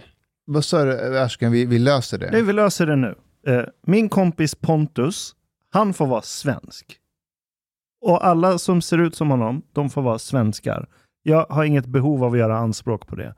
Jag är, ja, men som du sa, Sverigeländare eller svenskianskt medborgarskap eller någonting sånt. Och så får det vara så. Sen vad jag kallar mig själv, fan, vet, jag känner mig mer som amerikan faktiskt. Jag känner mig mer amerikan. Vad garvar Men du? de svarta amerikanerna. Eller vilka? Nej, och det är det som är hela poängen. Nej, det spelar ingen roll där. Det spelar ingen roll där. Jo. Nej, Nej, det gör det inte. Men, men jag önskar att, att så här, invandrare i Sverige som har ehm, kanske lagt lite för mycket av sina pengar i att säga jag är svensk, jag är svensk, att deras respons när de får höra av någon, du är inte svensk eller så, att deras respons kunde bli så här, äh, du har rätt, jag är inte svensk. Mm. Du är svensk, jag är inte svensk, men vet du vad, jag har samma fucking rättigheter och skyldigheter som du. Mm. Jag får rösta i det här landet, jag betalar skatt, så shut the fuck up. Jag, du, här, du kommer inte åt mig med argumentet att jag inte är svensk, men jag har samma rättigheter som du. Eh, såg ni på Uppdrag granskning eh, när de var i Tjärna Ängar? Ja. Eh, det där var rätt så intressant, för det, hon den här reportern heter... Eh, Makbul. Ja, någonting Makbul. Det betyder vackert på eh, där. Lina Makbul. Ja. ja. ja. Eh, och hon var ju i Borlänge, Tjärna Ängar, Tjärna Ängar mm. och träffade de här ungdomsledare och mm. det var olika typer av projekt. Och då sa hon någonting, hon sa så här. Hon var med i en podd. Hon var med i en podd. Så hon besökte en somalisk förening. Ja. Hon är med i den här podden. Ja. Och i den här podden med den här föreningen så, så frågar hon dem, eh, finns det några svenskar här också? Eller är alla andra välkomna? Eh, finns, ja, exakt. Något sånt. Precis. Ja. Och då anmäler eh, ordförande i föreningen henne för att hon ställde den frågan. Oh. Alltså att hans, hans anmälan då till Sveriges Radio eller den här myndigheten att vad är det här för en fråga? Alla är ju svenskar. Eh, på så sätt har de utnyttjar ju på samma sätt den här debatten. Mm. Att så här, vadå? Mm. mm. Men det här jag menar med charader, att då kan man ställa frågan, ni heter fucking Somaliska föreningen, mm. så då är ni somalier, eller hur? Och ja, då, annars hade den hetat Svenska föreningen. Exakt, och, då, och, frågan, finns det också svenskar här? Ni vet ju vad hon menar. Hon menar ju inte att ni inte är svenskar. Hon undrar bara, vilka andra är välkomna här? Vilka andra hänger här? Ja, med andra, alltså, van, etnisk svenska menar ja. hon. Men jag har tänkt på det, jag, kanske över, jag tänker så här, jag försöker verkligen fintolka. Och jag tänkte, kan det vara så att den här gruppen somalier, eh, eller somaliska gruppen, verkligen försöker kämpa för att kunna komma in i samhället och anpassa sig. Och hela tiden får man höra, eh, ni är inte som oss. Ni är inte som oss. Men de gör sitt yttersta på alla sätt och vis. De anstränger sig 100%.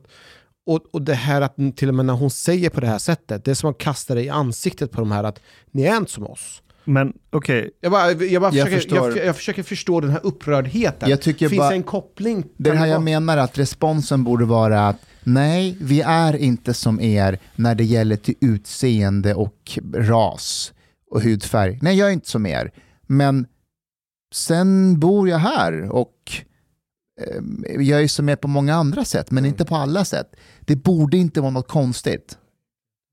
Hur många, in, om, det, om det nu är så här att de verkligen vill integrera sig, vilket de säkert vill, men hur många integrerade personer hittar du i Sverige som säger jag är integrerad tack vare att jag startade en förening Ingen. som har en... Exakt. Jag har aldrig Ingen. varit med om det. Hur många svenskar startar en förening som heter Somaliska föreningen eller Persiska föreningen eller bla bla? Ingen. Så om, om, om du vill integrera dig så får du väl börja imitera. Vad är, det som är så konstigt med? Är ni integrerade? Alltså, Fan, vad är inte. ordet integrerad? Alltså, någonting ska jämka samman med någonting annat. Hur, hur, mäter man när det är färdigintegrerat? Vad är integration? Det är bara ett så här eh, bungyjumps-ord som betyder någonting har gått bra eller något alltså, Om du jobbar i det här samhället och är polis, då är du ta mig fan jävligt integrerat, för då har du ändå lyckats knäcka koden så att du kan komma men, och ha makt. Men ta mina föräldrar, alltså ur svensk mått, så här, byråkrati och politisk integrationsmått. då är de superintegrerade. Båda jobbar, båda betalar skatt, båda gör rätt för sig. De har noll kontakt med majoritetskulturen. De har inga svenska vänner, de umgås bara med andra afghaner. Är de integrerade? De är funktionella i samhället, de gör inget hot, de utgör inget hot, men de, de så, känner inga Så liksom begreppet svenskhet så finns det olika nivåer av liksom integration. Antingen så integreras du i samhällskroppen och betalar skatt och har ett jobb och röster och allt det där.